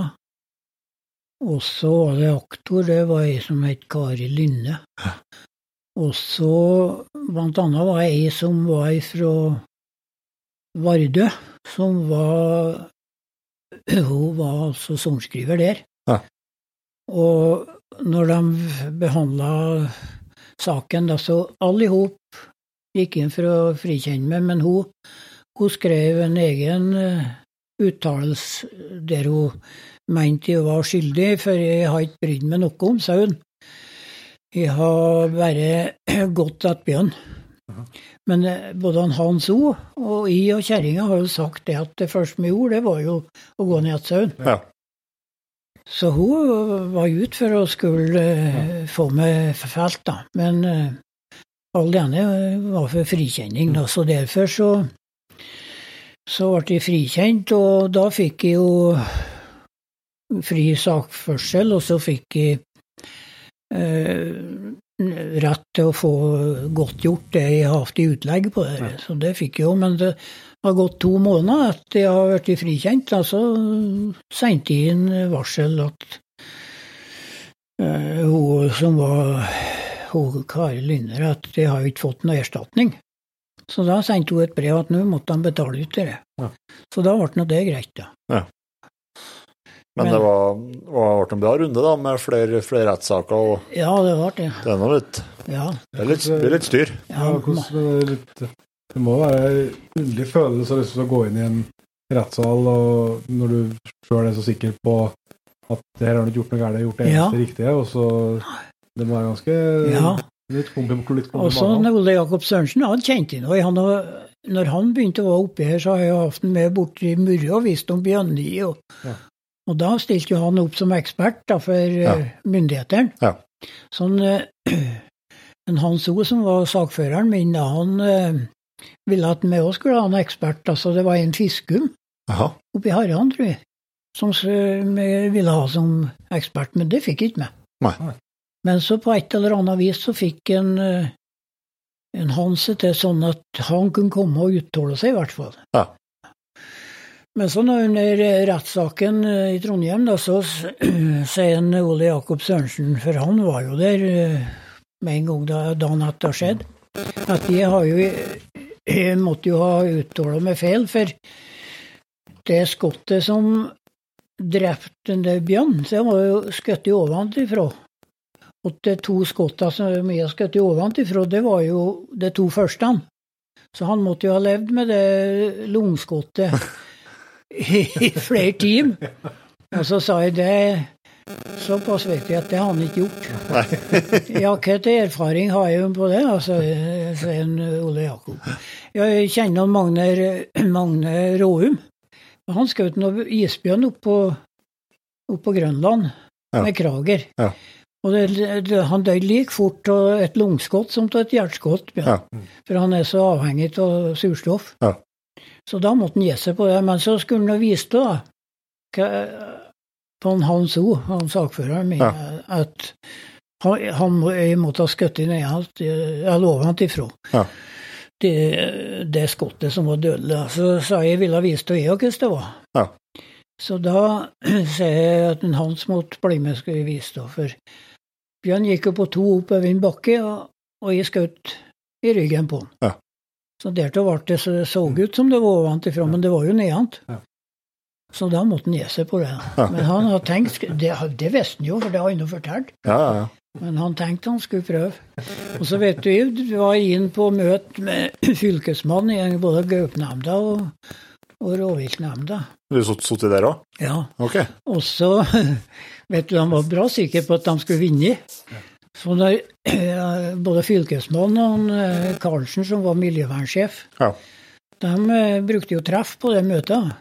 Men det første møtet da, at jeg har vunnet, da stilte de ikke opp. Men så møtte jeg Karlsen da på, når vi skulle ha mat. Ja. Og da var det tydelig han var litt stressa. Ja. Da var liksom rollene blitt ombytta. Ja, ja. Så det var litt av en historie. Var han stor, den, eller? Nei, Han var 156 eh, kilo. Ja. Men hørsten før Nei, våren før det der, i 97. Mm. Da kom han på Muru. Og da, Han har jo de der senderen på seg, da. Og da rev han fem elger. Og da, når det var lite snø innpå der om våren, så rev han fem elger som de kunne bevise at det var han. For De har jo sennep på den. Ja, ja. Sånn eh, en eh,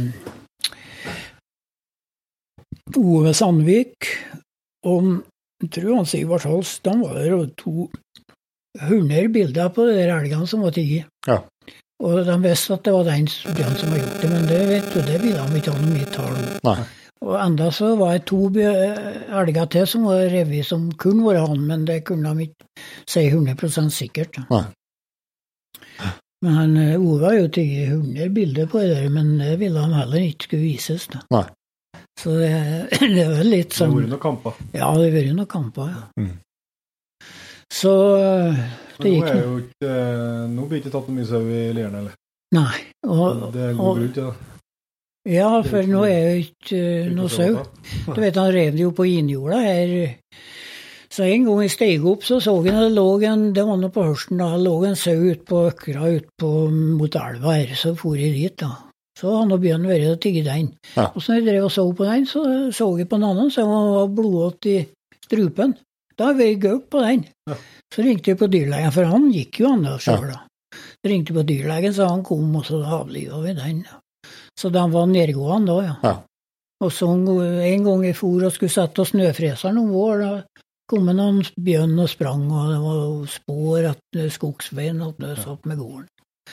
Så da var jeg mye bjørn, men nå er det jo jeg ikke sett bjørnspor på to år ennå. Nei. Så det har forandra seg totalt, ja. Men det er jo, eh, sauenæringa var jo enorm i Lierne. Ja, vi var størst sauekommune i Nord-Trøndelag. Ja. Så vi har 9000 eh, sau vel på beite på likestida. Ja. Og vi har eh, fikk fryktelig tap. Eh, Da var jo ei eh, litt eh, 105 sauer var et årsverk, da. Ja. Og eh, i 96, tror jeg det var, da mista jeg Jeg har hunder og en storsau på beit og så 170 lam. Så mista jeg 51 storsau og så 27 lam. Ja. Du mista halve besetninga. Halve storsauen. Og da vet du, blir bare skraplam, da. Ja. Alle som mista mora. Så du får ødelagt hele besetningen. Så vi var jo med i Væring og prøvde å få opp god avlssau. Og, vi var i toppen i landet når det gjaldt lamkvalitet Ja. den tida med ikke avbjørn. Ja. Så det ble helt ødelagt. Og nå er det nå bare Altså, det regner opp løpet. Det, det er fire-fem sauebruk igjen i Lio, men det er, jo, det er jo bare på Sandmoen at de går. Ja, Går fritt. Ja. Ellers er Men det gjerda. Beivik han Slutenvoll i Hørst nå. Ja. Og i sørlig er nå bare noe småtteri igjen. Mm. Og de eh, fleste i er- ja, på Nesset er jo innom Gjær, da. Og på Murup innom gjerdet. Ja. Og så ble det jo katastrofe for to år siden, da, da SNO var på og undersøkte gjerder som Bergvik. Ja, Og så viste det. Gjerdeien, både han og hun. Ja. Og så ungene var igjen oppe i Åva stasjon i Ja. Turnsjøen. Så fant de en død unge, og så fant de en som var så vidt i liv. Mm. Og så fant de ut at bjørn var inne i gjerdet. Ja. Skjøt de hoa og trodde det var slutt, og så var det en hannbjørn der òg. Ja. Så det, det var jo fire stykker som gikk i vei der. Nei, så Det ble jo ødelagt hele saueholdet her, da. Ja. Men eh, det var jo flere som fikk omstilling til melk, da. Ja. Og det var jo nær sagt en, eh, miljøvernministeren som var da en eh, Berntsen. Ja. Som eh, ga dem på et møte i Levanger. Ja. Og han har jo ikke noe med det å gjøre men når han har sagt det, så ble det noe. Ja. Så det var jo merkelig, da. Men jeg ble ikke med på det. da. Men eh, hvis vi tar litt om eh, det å Du nevnte jo at du har en del eh, gaup på samvittigheten, Ja, Martin. Hvordan har du holdt på med det hele ja jeg jakta mye gaup, og Ja. jeg har så mye tid med at det ikke har vært netto av det, nei. Men før så Ja, det tenkte jeg skulle fortelle, at første gangen jeg jakta gaup, da var jeg ikke så gammel, jeg var vel en 14-15 år, så var jeg med en som var Roland Aagaard, det var bestefaren til han som er i butikken oppe her. Han heter Roland Aagaard. Og han skjøt tre gauper alene en gang, Aha. og var bra jeger, da. Ja. Så skulle jeg og han jogge, for det var gaup borti Storfjellet, som Lerbakken går innover. Ja. Og så skulle jeg og han eh, jogge, og så var på sørsida her, så hadde de en hund som het Nuffe. Og der han var en spesiell type. Han uh, var doktor som har hatt en brønn, har hatt den der hunden. Men så fant han ut han skulle kvitte seg, men så fikk de overta han på Han hadde lært opp at han skulle ligge i sengen og ha det godt. men, men han var en underlig type, vet du. Han prøvde å bite i bildekka på biler som kjørte. Ja. Så om det var kjettinger på ham også, så for han. Og når det var feltskjøting, så var han bak av skivene. Og når det eh, slo ned i kur så spruta snø, så sprang han dit. også. neste skott, så sprang han dit der det spruta, og, og han berga bestandig. Det var, ris det var risikosport. Så han levde farlig, men levde godt likevel. Og så har vi menn der, da, Ja. på gaupejakten. Og han for nå etter gaupen og satte en på post som het Johan Bustadmo. Og da sprang gaupa ned i forsenkning, og så sprang hunden opp på kanten, så han så hunden, men han så ikke gaupa. Og så for han til neste post, og der var en som var sånn Browning-automat som er Browning, var den børsa jeg ikke kom på navnet. Ja. Og så tenkte han nå har han fem skudd, og så kom han ut på ei lita myr, så nå fikk han skjøt flere skudd. Så han skjøt ett, så gjorde han et hopp, og så var han grubb der, så. Og en liten forsenkning, så da forsvant han der, han fikk ikke skjøt noe mer. Nei. Og så for han forbi en post som ikke fikk det skjøt, og så kom det to og skulle hjelpe oss, da, som kom opp i leirbakken der. Nei, så fant de ut at han kunne ikke postere. Hadde satt bilen der han skulle postere, da. Så for de begge ned og skulle sette ifra seg bilen. Og når de var ned, så var gaupa nedom veien en tur og for opp igjen, men da var de jo ikke der. Så da, den fikk vi ikke, da. Sånn var det mange ganger. Men i hvert fall den gangen jeg hadde med hund, men ellers så ble vi jakta ut av en hund. Ja. Og så en gang, og det ble jo veldig mye å gå på ski, da. Ja. Så det var ikke noe effektivt. Men eh, når det begynte å bli hunder som ble brukbare, da ble det helt annet. Ja. Så da ble det mye mer effektivt. Ja. Så kommer jo en gang det kom en gaup her, så gir han Sverre Nordbakk. Vi for på, tenkte vi skulle se om hun var revet nå, så for vi og rente over her og til Holand. Ja.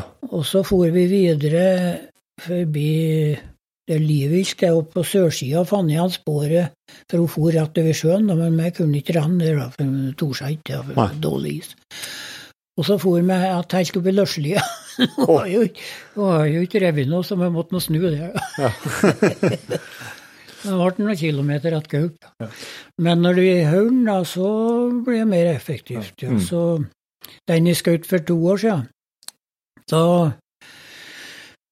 var jeg gaup som har vært i området igjen på sjøen her, og vi drev og lette og lette og lette og fant ikke noe. Men så har jeg gått ut ei att med nabogård her og Ørstøy. Men så mente de jo at det var nye spor, ja, vi har funnet nye spor på andre siden om elva her. Og. Men så tok han uh, Torbjørn og for igjen til sporet, og så skremte han løs. Ja. Og så, med, så kom jo og de slapp på hund da, lenger øst der. Og så eh, for hun over veien, nedom veien bort til Kvemoen, men det var ingen som fikk se og fikk noen sjanse til å skjøte på der. Men så, når hun kom på kvedet, så ble det hun for på svensksida. Og da sto nå Jan Sigvard Hals att med damestarten og holdt på losen på svensksiden og fant ut at det var ikke noe ordentlig. Men så plutselig så snubla han og kom tilbake. Ja. Så for han Hals på sin post attmed litt lenger vest enn der damestarten er, og så satt de mak på damestarten, så jeg så der da. Og så så vi jo kom der, da. Og så gjorde meg ferdig, ja, men hun sprang nå sånn ganske godt trav, da. Ja. Så skjøt jeg et skudd, og dæven, du skulle ha sett hvor hun hoppa. Hoppa stygghøyt to ganger. Ja. Og, så datt hun, så tror jeg nå er hun ferdig. Nei, så steg jeg opp. Og så kom hun litt eh, bakom noe kjær inni der. Da. Så gikk jeg på veien, for jeg skjønte hvis hun var til, så kom jeg i veien. da. Den veien som går på Kvemoen der. da. Ja. Så kom nå der, så jeg skjøt i skott på der, men det ble noe bra. Og så sa jeg da må passe på dere som posterer bort med brua, for jeg til Teddy så kommer han nå dit nå. Ja. Men det var nå ikke så stoppa igjen med det huset hans Enok Berg, da. Vi så hunden var der, så jeg skjønner hun var der, da. Så kom jeg dit, og så Øh, Hun kom nå for nå gikk inn i kjær og greier, så jeg skjøt nå to skott på henne uten at det to. Så, men så ble han liggende attmed ei gran, da. Ja. Så kom nå hunden. Og da var han egentlig heldig. hun var ikke helt død, for han var de så beit over skallen på den, men hun har ikke noen krefter til å klype igjen. Så det var nære på at han har fått sluta òg, ja. Så du skjøt ganske mange? jeg skjøt i seks, da. Ja. Men jeg, jeg holdt på lenge før jeg skjøt første, ja. Ja. Så i mange timer på gaup, ja. ja. Jeg tror du er en tålmodig postjeger. Ja, Ja. det er jeg.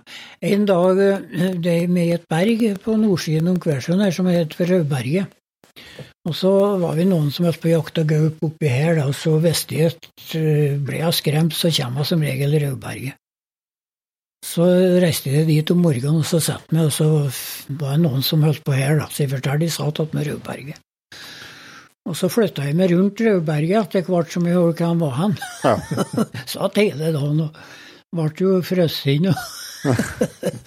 Men så, når jeg, satt på sørsiden der, for da var to gauper, og så hørte jeg dem skjeddes, og så jeg to opp imot ifra med Kværsjøen og opp imot Rødberget, og så tenkte jeg nå hun. Jo, så fikk jeg se hun kom. Og så har jeg sånn gevær, Steyr Steyr Mannlicher, det er to avtrekkere, for du kan få satt på snellerten der. Ja. Og så var jeg jo helt oppi der og kom over noe myr der, da, så tenkte jeg her kan jeg ta snellerten på. Men så vet du, jeg var så frøs i noen fingre. var borti avtrekkeren, så smalt det, og så tok jeg to meter hit av nye. Det ble jo full fart på, men så hun forandra ikke retning. Så kom hun opp i feltet der jeg satt. Tenkte jeg nå. Hun kom dit, da, så skulle jeg skjøte. Men så var jeg jo hekta seg opp i magasinet, så jeg hadde ikke gått inn og skutt, så jeg klikket jo bare. Ja. så ladda om, så ble det for sen, da. Ja. Så da berga det der, da. Men så dagen etter så for vi, og så fant vi ut hva før vi Turnsjøveien. Og så rente vi og fant ut hva før innan berget her, og så for vi opp i Leirbakkdalen og lette. Ja.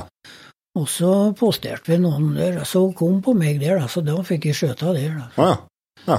Så på tre skott så fikk jeg tida.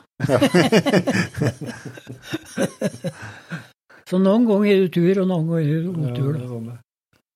Det er som jeg, han som er tålmodigst og setter jo lengst. Ja. Det, Men så gir vi hun fer over Nesmoveien, vi kaller det, så der brukte vi poster. Men så en gang vi hadde noe gauper, så kom en Elias Steinfjell, og så Nei, så sier han, dere må ikke sitte på den veien igjen. Det er ordentlig. Ja. Så satt dere på elven. Ja, så gjorde vi det. Han var nå med, han òg. Og så en av dem som var med, han eh, satt nå på elven og posterte. Og så kom nå gruppa, Og det var egentlig to. Eh, hun og en, unge, men det var ei som kom til han, da. Ja. Og så har han jo ikke gått i løpet, så det klikk bare. Men i og med at han satt på elven, vet du, det var lyd til elven, så hørte ikke det. Han lada om, altså, han lada om og skjøt. Ja. Så det var jo smart å sitte på elven. og så dagen etterpå da, så kom jeg inn fra Skjelbreen, og da skulle vi ha jakt eh, på den andre. Ja. Så ble han og satt attmed elva der, da. Og han hadde aldri vært med på gaupejakt før. Og, så, og det andre gaupa kom nå på han, og han skjøt han. Nei, det syntes han var enkelt, ja. ja. Det er lov å ha tur. ja. så det er forskjellige opplevelser på det. Ja. Men eh, når vi er i kvedet her, og og du har jo jakta så mye elg, og vi har jo sett noe elghånd her og sånn, så Vi kan jo ikke ferde herifra uten å høre litt om noe storokser. Du må ha vært med på noe, på noe Det er jo storelgens rike der. Ja, ja. Nei, det, det hørnet som er størst som vi har fått til, da, det er litt spesiell historie om. før vi jakta en lørdag, og så dro vi kveld litt tidlig. Og så sa jeg de måtte komme hit og drikke kaffe, da, for det var jo den tiden som vi fylte året da òg. Ja. og så ringte Kjell Kvedhagen, han som er Petosja, Ja. på en Torbjørn og sier at nå er to storokser på tur imot dere. Ja, sier da drar vi og posterer. Så for vi over veien borti og posterte. Ja. Ja, så jeg kom nå ikke noe, så jeg begynte å tenke på vi må hjem, for vi bedde hjem folk. Og så, nei, så ringte Kjell på eh, Torbjørn og sa at de er nede av veien. Så de er på tur vest, og vi er nede av veien. Ja. Ja, ja, så flytta vi ned av veien. Tenk vi å sitte litt der òg. Ja. Så begynte det å bli litt skumt. da. Og så Så tenkte jeg nå må jeg dra hjem, vi kan ikke være her når jeg bedder inn folk. og så steg jeg opp og skulle gå. Nei, det så jeg en dag. Ja. Sånn eh, 300 meter. Så satte jeg meg ned han og så så jeg han for nedover, så flytta jeg meg nedover. Og så, jo, så fikk jeg se, da var han på tur oppover. Flytta jeg meg oppover. Så begynte det å være skummelt, skumt, altså. Jeg drev og kikk. Så så jeg noe svart oppe i feltet her på noen hundre meter, så så jeg kikkerten. Jo, så sto han jo der. Ja. Så tenkte jeg nå skjøt de tre raske skott da, og prøve å få den ned igjen. Skjøt ett skudd, og der datt den rett ned og like han. og, så, og da var det noe mørkt. Ja. Så kom det nabolaget da, som har varskerommen der. Og de hadde noen telefoner som kunne lyse når vi gjorde opp. og det er han som kunne komme og drikke kaffe, kom nå. Men jeg var jo ikke her, så De var jo nesten litt sur, da. så det var en spesiell historie. så, men ellers så tenkte jeg skulle fortelle om eh, noen storelger, ja. Ja. En bestefar min han jakta på Aune på veien til Sørli. Mm. Han jakta noen mange steder, men eh, Og da var jo bare sånn på matrikken, så du kunne ha to eller tre hvis du var flere eiendommer i lag, eller, eller mer enn det. Og så var det fem dager. Ja. Første han så var det bare han som hadde tida til å gå på jakt borti der. Så gikk han i fin rett vind gjennom beste valget og så ikke noe tegn til elg. Så tenkte han når han eh, skulle gå tilbake, og det ble feil vind, så skulle han gå opp med fjellet. Når han eh, holdt på og gikk, da, så kom en svær okse og sprang opp imot ham, og han skjøt, og han ramla. Og når han ramla, så kom det en til. Og han skjøt på den, og den datt. Og den en dem var 360 kilo, og den andre var 425. Å, dæven ta. Da, da er det tungvint å holde på alene. Ja.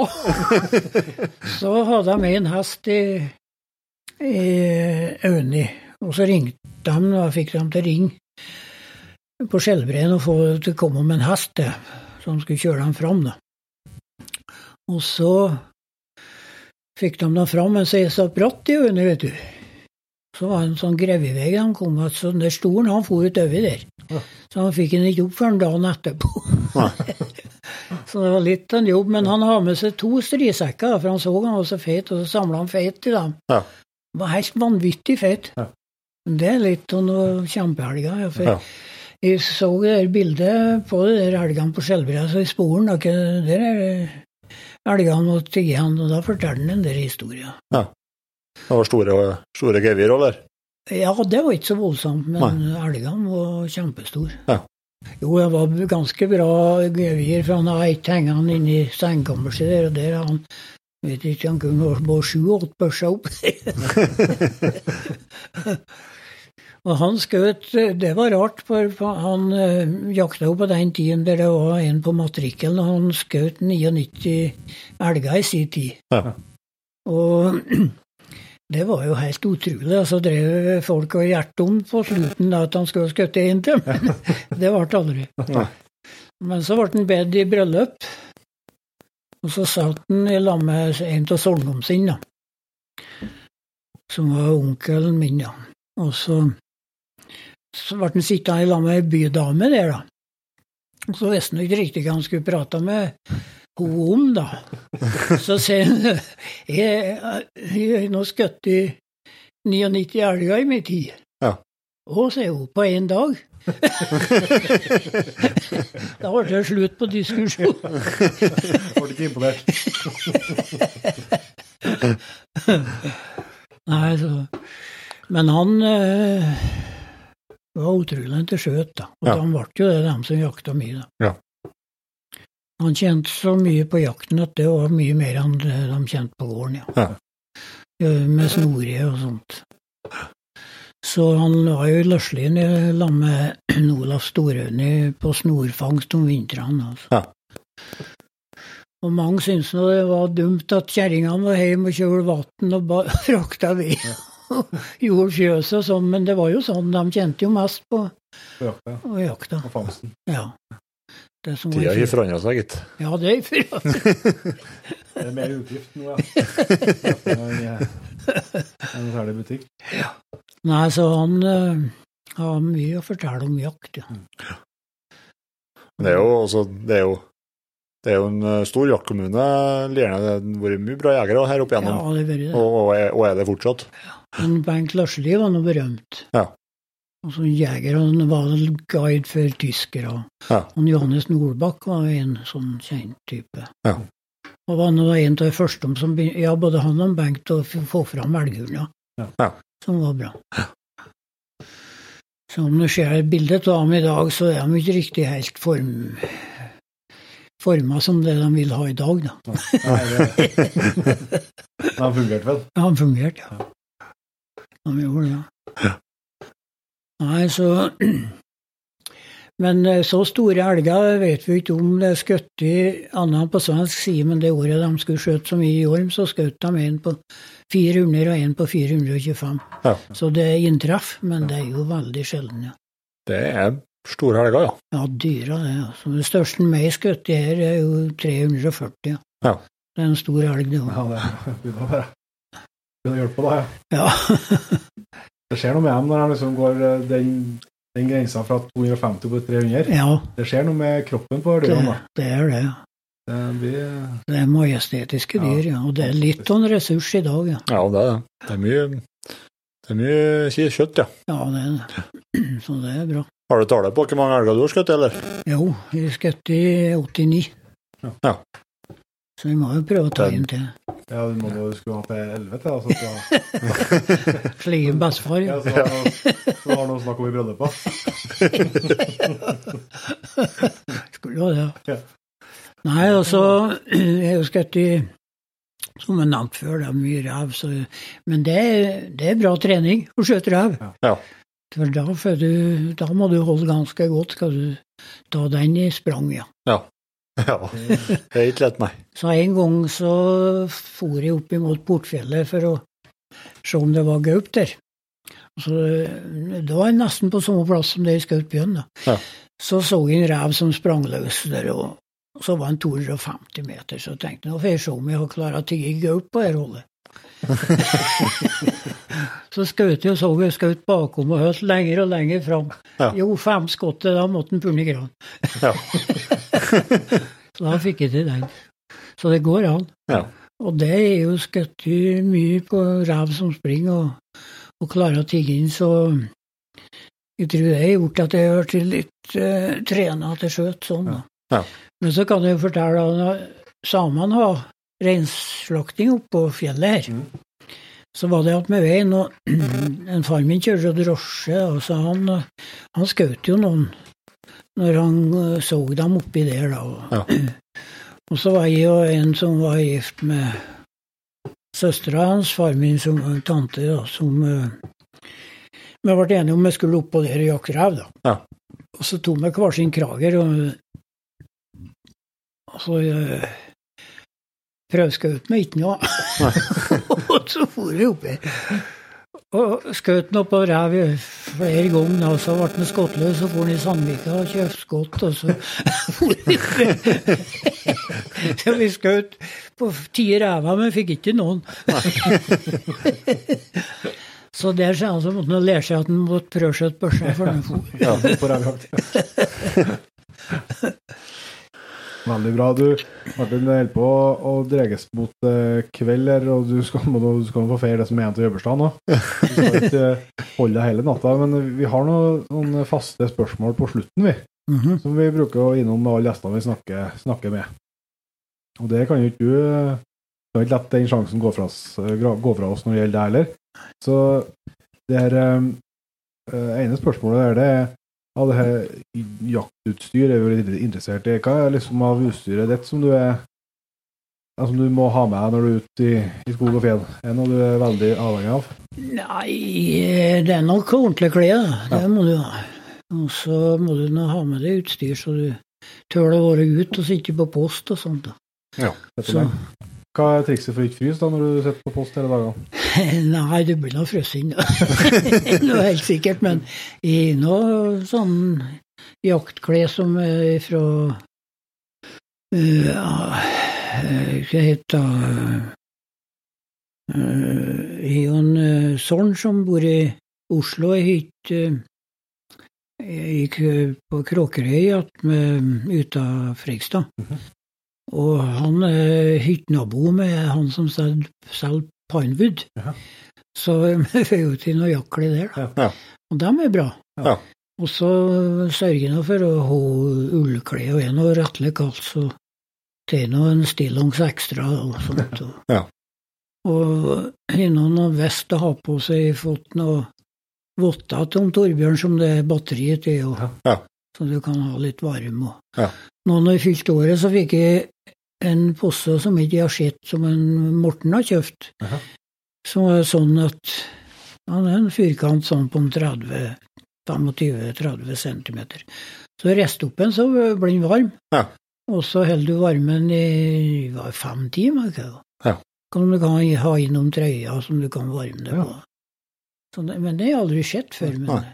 skal prøve det nå. Nå skal det bli varmt på post. Ja, kan bli.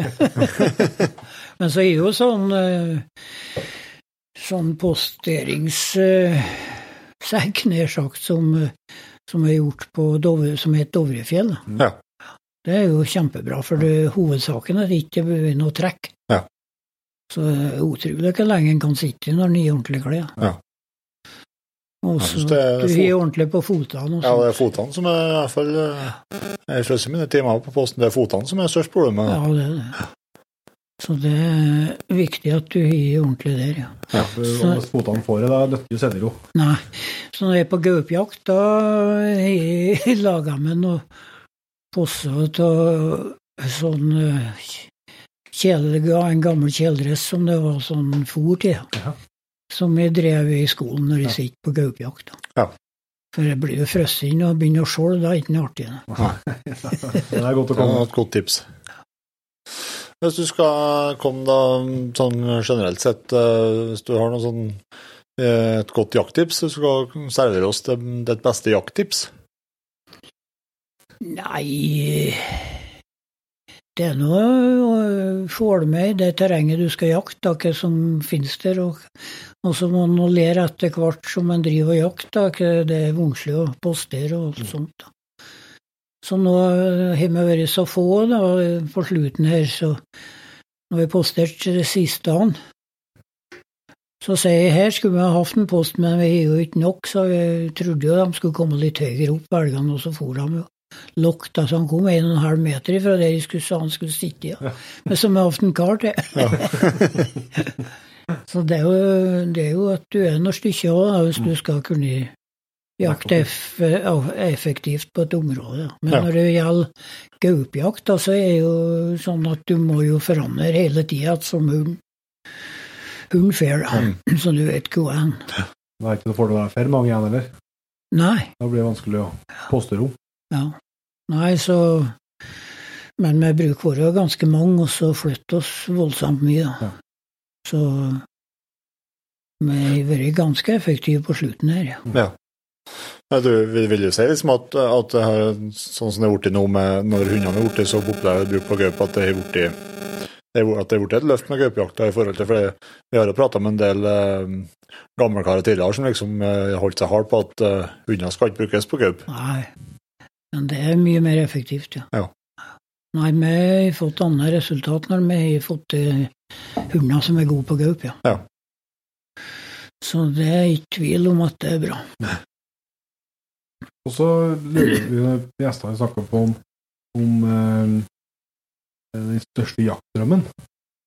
Har du noen jaktdrøm som ikke, ikke er utprøvd ennå? Nei, jeg kan ikke si jeg er egentlig fornøyd med å jakte mye. Ja. Men da jeg fylte 75 år, så fikk jeg jo gi også en fra Jorm. Vi fikk jo som jobbursdagsgave å reise til Dalarne og jakte villsvin. Ja. Så det er nå prøvd, da. Ja. Vi var der en, eh, og jakta to dager. Ja. Men uh, ingen av oss uh, som var herifra, fikk skjøt villsvin, men det var ned på for meg. ja. Ja. For uh, de skjøt fem svenskene, og de har jo hunder som var spesialtrena på det. Og, og en av de hundene måtte de ha trynband på det, eller sånn korg på, for ellers så bet den ørene til grisa. Ja. og de har hunder over hunder jakthorn. Ja. Og de skjøt mye. Ja. Så Men de gjorde jo mye gale villsvin òg. Men så var det forskjellig De har forskjellig syn på saken, så noen ville jo ha bort villsvina, og noen to fanga unger og flytta dem på andre, andre plasser for at Ja. de skulle få jakte villsvin. Det er forskjellig syn på det. Ja. Ja. Men det var interessant, ja. De, og de var utrolig gode til å skjøte, de som eh, skjøt de villsvina. Ja. Skjøt de- For det er utrolig fart på dem. Ja. De er kjappe, ja. det går. Det- Når jeg har sjansen, da, det var helt på slutten. Det var jo flere som hadde sjansen, men de snudde og de eh, kom seg unna. Men så var det en som kom og sa at nå skal jeg kjøre dere ut på en plass, da, for hundene høster nå på med villsvin. Og så, så var det, eh, skulle gå opp i et tårn, og så nå var en Torbjørn på neste tårn. Og så gikk en vei og så så jeg, hvis jeg skulle skjøte ved, så så jeg en Torbjørn satt rett bakom der. Ja. Så jeg tenkte jeg kan ikke skjøte veien nå, for jeg må vente han er på kanten hvis det kommer. Mm. Og vet å bare så vidt gjort børsa klar, så kom jeg Og inn på veien, så tenkte jeg han var på skrått over veien, og tenkte jeg nå skal jeg vente han er på kanten, og så jeg. Og så tversvingte han og var i skogen, og så gjorde han ikke skjøtt. Og så for han til Torbjørn, og han har ikke vunnet lada børsa. så jeg har jo litt otur. Ja. Men eh, med kjøff, han fikk jo med alle fem svina som var skutt. Altså, Ja. ja. med fem svin hjem. Da. Det er godt, det er god mat. Ja, det er det. Ja. Og så er det sånn at vi eh, prøver å, å runde av alle episodene våre med jakthistorie. Men nå tror jeg jo dette er den episoden vi har hatt så langt med mest jakthistorie. Ja, det er Så- to timer jakthistorie. Ja, så tenkte jeg at jeg kan vi ta en liten vri, for at jeg har, vi har gjort litt research før, og da ble det bare snakk om ei historie der du hadde skutt i duble Da hadde det vært litt lite poster, og så hadde du skulle tatt to poster. En, og så hadde du skutt i duble på, på okse og kalv. Ja. Er det sånn? Det er han eh, Torbjørn som fortalte meg det. Ja, ja. Det var på litt eller, Det var noe dobbeltdekking på noen poster, så det var litt langt hold. ja. Ja. ja. Ja, jeg satt oppå opp på Østerligberget, ja. Ja. Og så var ikke alle med den dagen, for de, det er noen på jaktlaget som en sånn dag de fer opp i en seter og jakter fugl i helg. Aha. Så var vi ikke så mange, da så satt de meg opp på berget her, og så eh, langt innover der, altså. Så jeg satte meg ut på kanten der, da jeg trodde de skulle komme. Ja. Men så kom de jo langt innpå her, vet du. Ku og kalv og Ja, det var to kalver og så okse. Og så skjøt de på oksen og en par skudd, og så skjøt de på kalven, og og så måtte jeg vei og se. og oksen lå nå der, men eh, kalven var bare skada. Men eh, fikk de den nå, ja. Ja.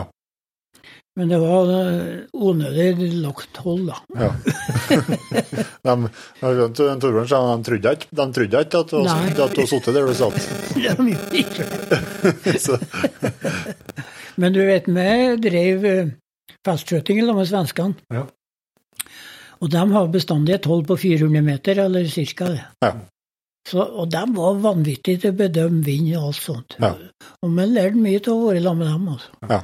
Så hvis du har tida på det, så er det utrolig bra du kan skjøte. Ja. Så som gang så går det bra, ja. de måtte, de måtte de måtte tomhylsene dine til slutt, for at de eh, Trodde, ja. ja, trodde på at du hadde sittet der. Ja, ja. Veldig bra. Da tror jeg vi skal runde av og si tusen takk, eh, Martin, for at vi fikk lov til å komme på besøk hos deg. ja. Og jeg har jo en følelse av at det, du har enda flere jakthistorier på lur du kan gå til, at vi må ta en tur senere òg. Ja, ja, det kan vi gjøre. Det finnes nå en del historier, annet denne boka her. Ja. Bygdebok for lierne. Der er jo ulven. Ja. Det er jo ikke jakta på. Nei. Men på Først på 1900-tallet så var det to samefamilier borte i Hestjørn. Og dem eh, til jul, da, så syntes de de har det så bra, for da var det der var rundt 1910. Da var jeg vært verg, men det ble blitt skutt bort, så det var i grunnen ikke noe problem lenger. Og de har slakta rein og gjort det bra. Så en heter jo Nils Fredriksen, og den andre het Jakob Mikkelsen. Og de bodde i lag Ja. oppe i Hestjørn. Og har mye kjøtt og var bra med mat og så fram til ei rolig, god jul, da, for de visste ikke om noe hodyr. Men så på julene så hunden var, De hadde to hunder, så hunden var ute, så begynte han å skjelte. Og, og de skjønte at nå var det kanskje noe på gang. Og så for de og og undersøkte, og så fant de eh, vergene Det var tre verger som hadde kommet, og så hadde de fått revet fire reiner, da. Ja. Så det fant de også. Da- Da kunne de jo ikke For de hadde tenkt skulle være mye i leiren der de har, da, med lavvo og greier, eller sånn kåt, da, og så ikke passe på reinen så mye når det var så rolig, men da måtte de jo ut og passe på. Ja. Så gjorde de det på vakt, da. Og Ja. Nils Fredriksen der, han fikk litt oppdrag da, for å finne igjen de der eh, vergene, da. Ja. For den hovedflokken, den har jo berga. Det var en flokk på 30 de har truffet på, så rev vi fyr, da. Og så har de møtt opp tre, og så har de lemna en, en stor en som ikke var gjort noe med. Og så eh, ble det jo Til slutt så skulle Nils Freiksen ut og se om han klarer å finne ut var han der eh, vergene. Så han for opp eh, og kom opp i Hestjørn mot fiskeløysa der. Ja. Og så ble det et så vanvittig styggvær. Det Da var jeg mot uh, nyårshelgen. Ja. Og så Men han var så kjent at han visste egentlig hva han var, men han så jo så lite. Men så, så slo været om så det ble som klabbfør. Ja. Så skia ble så steintungt at det klabba på. Ja. Så trodde han han skulle klare å renne tilbake, men så begynte han å kjenne at det kom til å bli vanskelig. Ja. Ja. Men så var han ikke så redd å ligge ute, for han kunne grave seg ned i snøen, for de var jo skikkelig kalde. Men så lette jeg litt i været, og så, sa så han fant ut hva han var. han. Og så rente han. Og så fant han en plass der han har brukt å være om sommeren og ligge inne i ur. Ja. Og den het Nils Fredriksaura en dag i dag. Ja. Og der eh, krøp han inn, og der har han ved, og det var oppi opp der da, sånn kunne inn her. Ja. Og så tidde han opp og tidde av skia og fikk tørka dem og lå der om natta. Ja. Og så morgenen etter så, så har det blitt annenvær og finvær og, og likere før. Ja. Så hadde han jo sånn ski som var smurt med kjørre, da, som var brent inn og sånt. Ja. Så rente han og prøvde å lete, for han har funnet spor, og det var litt like ved, så han visste litt hvor ulvene har ført igjen. Og så rente han att, og så kom jeg, så han på hunden at han fikk vært, og kanskje det var vergene, så gikk de opp en kant der, så fikk han se. Det tre han to lå, og én satt, da. Ja. Og så skjøt han den som satt. Og så måtte han jo lade børsa. Men uh, han Hvordan det egentlig gikk for seg, men han fikk egentlig uh, Hunden stoppa en, for han var jo etter så mye, da. Ja. Han var litt tung, der hver gang. så han fikk den ladda og renne att, så han var og skjøt en til. Ja. Og så for han att den tredje. Og så han lærte opp en der hund. Han kalte han, han, han, han var, Det var en sånn Han kalte han for en bjørnhund. At han kunne stå bakpå skia om Urnabakka. Jaha. Og så De har sånn brede ski, vet Ja. du. Så i Urnabakom så sto hunden på skia, og så han var jo tung, den der tomaten, der vergen som var igjen. Ja. Så en gang han for ned en sånn bakke, så fikk han se til vergen. Ja. Og så neste bakke så kom han innpå og skjøt den. Ja. Da har han eh, rent i 48 timer. Ja, skjøt tre ulver, da. Ja. Ja. og det, det måtte de jo gjøre, og skulle de overleve. Ja. Så det, ja. Så det var tøft. Ja. Men eh, en eh, Bengt Joma, en gammel Bengt Joma, han fortalte på radioen han om Og det må jo finnes, for det har jeg hørt. Ja. At uh, samene på Snåsen, de mista all rein de har på en ulflokk på 20 dyr som var mellom Lierne og Snåsen. Ja, varg, vargvinteren og der, eh, Ja. på 30 30-tallet. Ja, det var, nei, det var, ja, ja, just før i krigen. Ja. Så da var jeg tolv.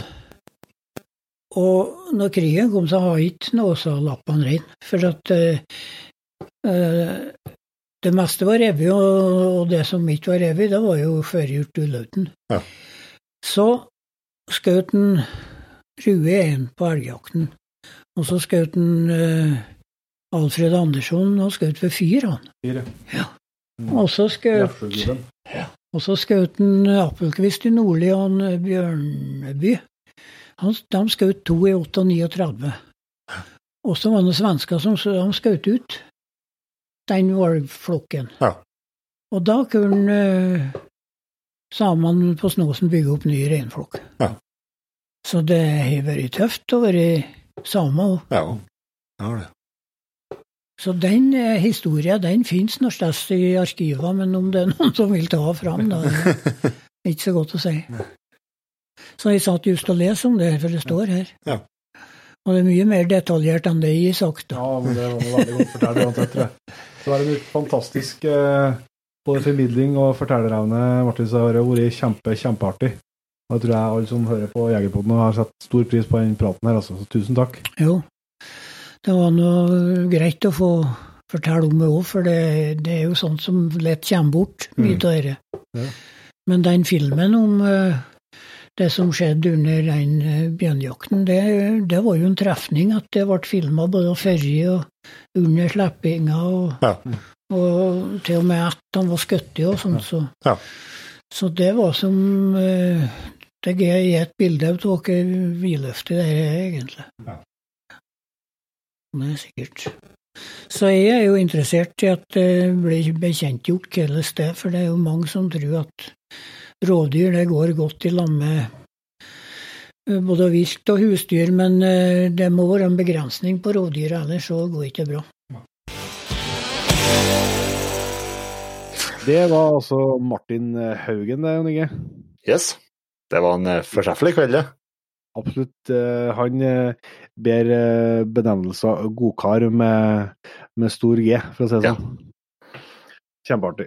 Og fantastisk for- formidlingsevne og, og ja, det er artig med å prate med folk som har hatt et så rikt eh, jaktliv eh, i de områdene som man er både godt kjent og, og veldig glad i. Mm. Nei, det er litt sånn, det er litt sånn, har litt sånn forkjærlighet for det her, eh, den eldre garde å prate med dem. Ja, vi vi Og de, er- eh, de, de er jo ekstremt gode, mange av dem er ekstremt gode til å fortelle historier. Ja, det er akkurat Jeg føler bare jeg føler litt på det at det, det er en kunstform eh, som, sånn som Martin eh, eh, besitter, som eh, jeg ikke er helt overbevist om at vi greier å ta vare på. Eh, Sånn som, eh, sånn som vi har det i dag. Men klart, nå har vi veldig mange andre måter å, å ta vare på historiene og det som skjer eh, i livet vårt. Men eh, det har en utrolig verdi å få, å få fortalt eh, jakt og, og historier på den måten han, han evner, altså. Mm. Nei, det er artig å sitte og høre på. Helt klart. Men uh, vi kan jo ikke gi oss riktig ennå, Jon Inge. Vi har jo en lang, herlig rekke med nye Jegerpodden Patriens.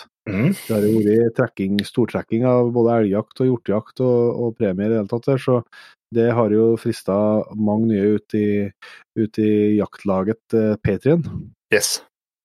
Så da er det bare å starte på toppen der og si tusen hjertelig takk til Sven Are, Arne, Morten Riise, Simen Kjetiljen Brennhaug, Erlend, Trond Roar Almli, Alexander Åsnes, Ellen eh, Grambo, Thomas Gullvik, Lars Olav Moen, Hågen Strype, Gregor Rolsøy, Stein Juks, Marius Forfot, Espen Krigsvold, Jon Drugli, Mats Bekkelund, Martin Hodø, Roger Nordbakk, Pål Tore Larsen, Bjørn Frode Halvorsen, Oskar Ramberg, Andreas Frøyen, Runar, Tobias Barlin, Håvard Stenkløv, Johan Slørdal, Joakim Kvåle, Sigurd Solberg Tånes, Gøran Brenne, Andreas Vesterlid,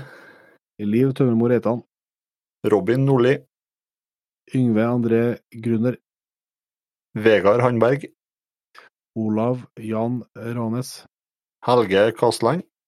Sigmund, Håkon Gravdal, Helge Strøm, Jegeren Jensen, Harald Nøsen, Jan Terje Jørgensen, Atle Kvål, Øystein Saga, Kjell Erik Rennaa. Christian Haugom, Jarle Sivert Holstad, Tina Fossdal, Henrik Fossbakk, Sigbjørn Frengen, Espen Lindefjell, Magne Aarvåg, Therese Rødahl. Pål Skjåk Haugen, Sivert Aabakken, Jan Erik Lindgren, Jonas Eimhellen, Thomas Fostenes. Alexander Larsen. og Erlend Ryen. Tusen hjertelig takk til dere. Håper vi klarte å si ett eller to navn rett, i hvert fall. Det gjorde i hver, tror jeg. Ja, det kan godt hende. Eh, Tusen hjertelig takk til- dere, og selvsagt til hele P3-jaktlaget som allerede har vært med oss i en god stund. Det er vi veldig, veldig, veldig glad for. Eh, Da er det vel på tide å runde av, ikke det? Og ønske ei god ny jakthelg. Mm. Vi er inne i beste tida på året, så det er bare å nyte. For jula kommer fort. Ja, det må du gnu på. Det er ikke eh, noe Kan ikke sitte og angre seg i februar på at du ikke jakta i oktober, nei. Nei, det er bare å gnu på. Yes. Nei, men da høres vi, Jon Petter. Vi høres.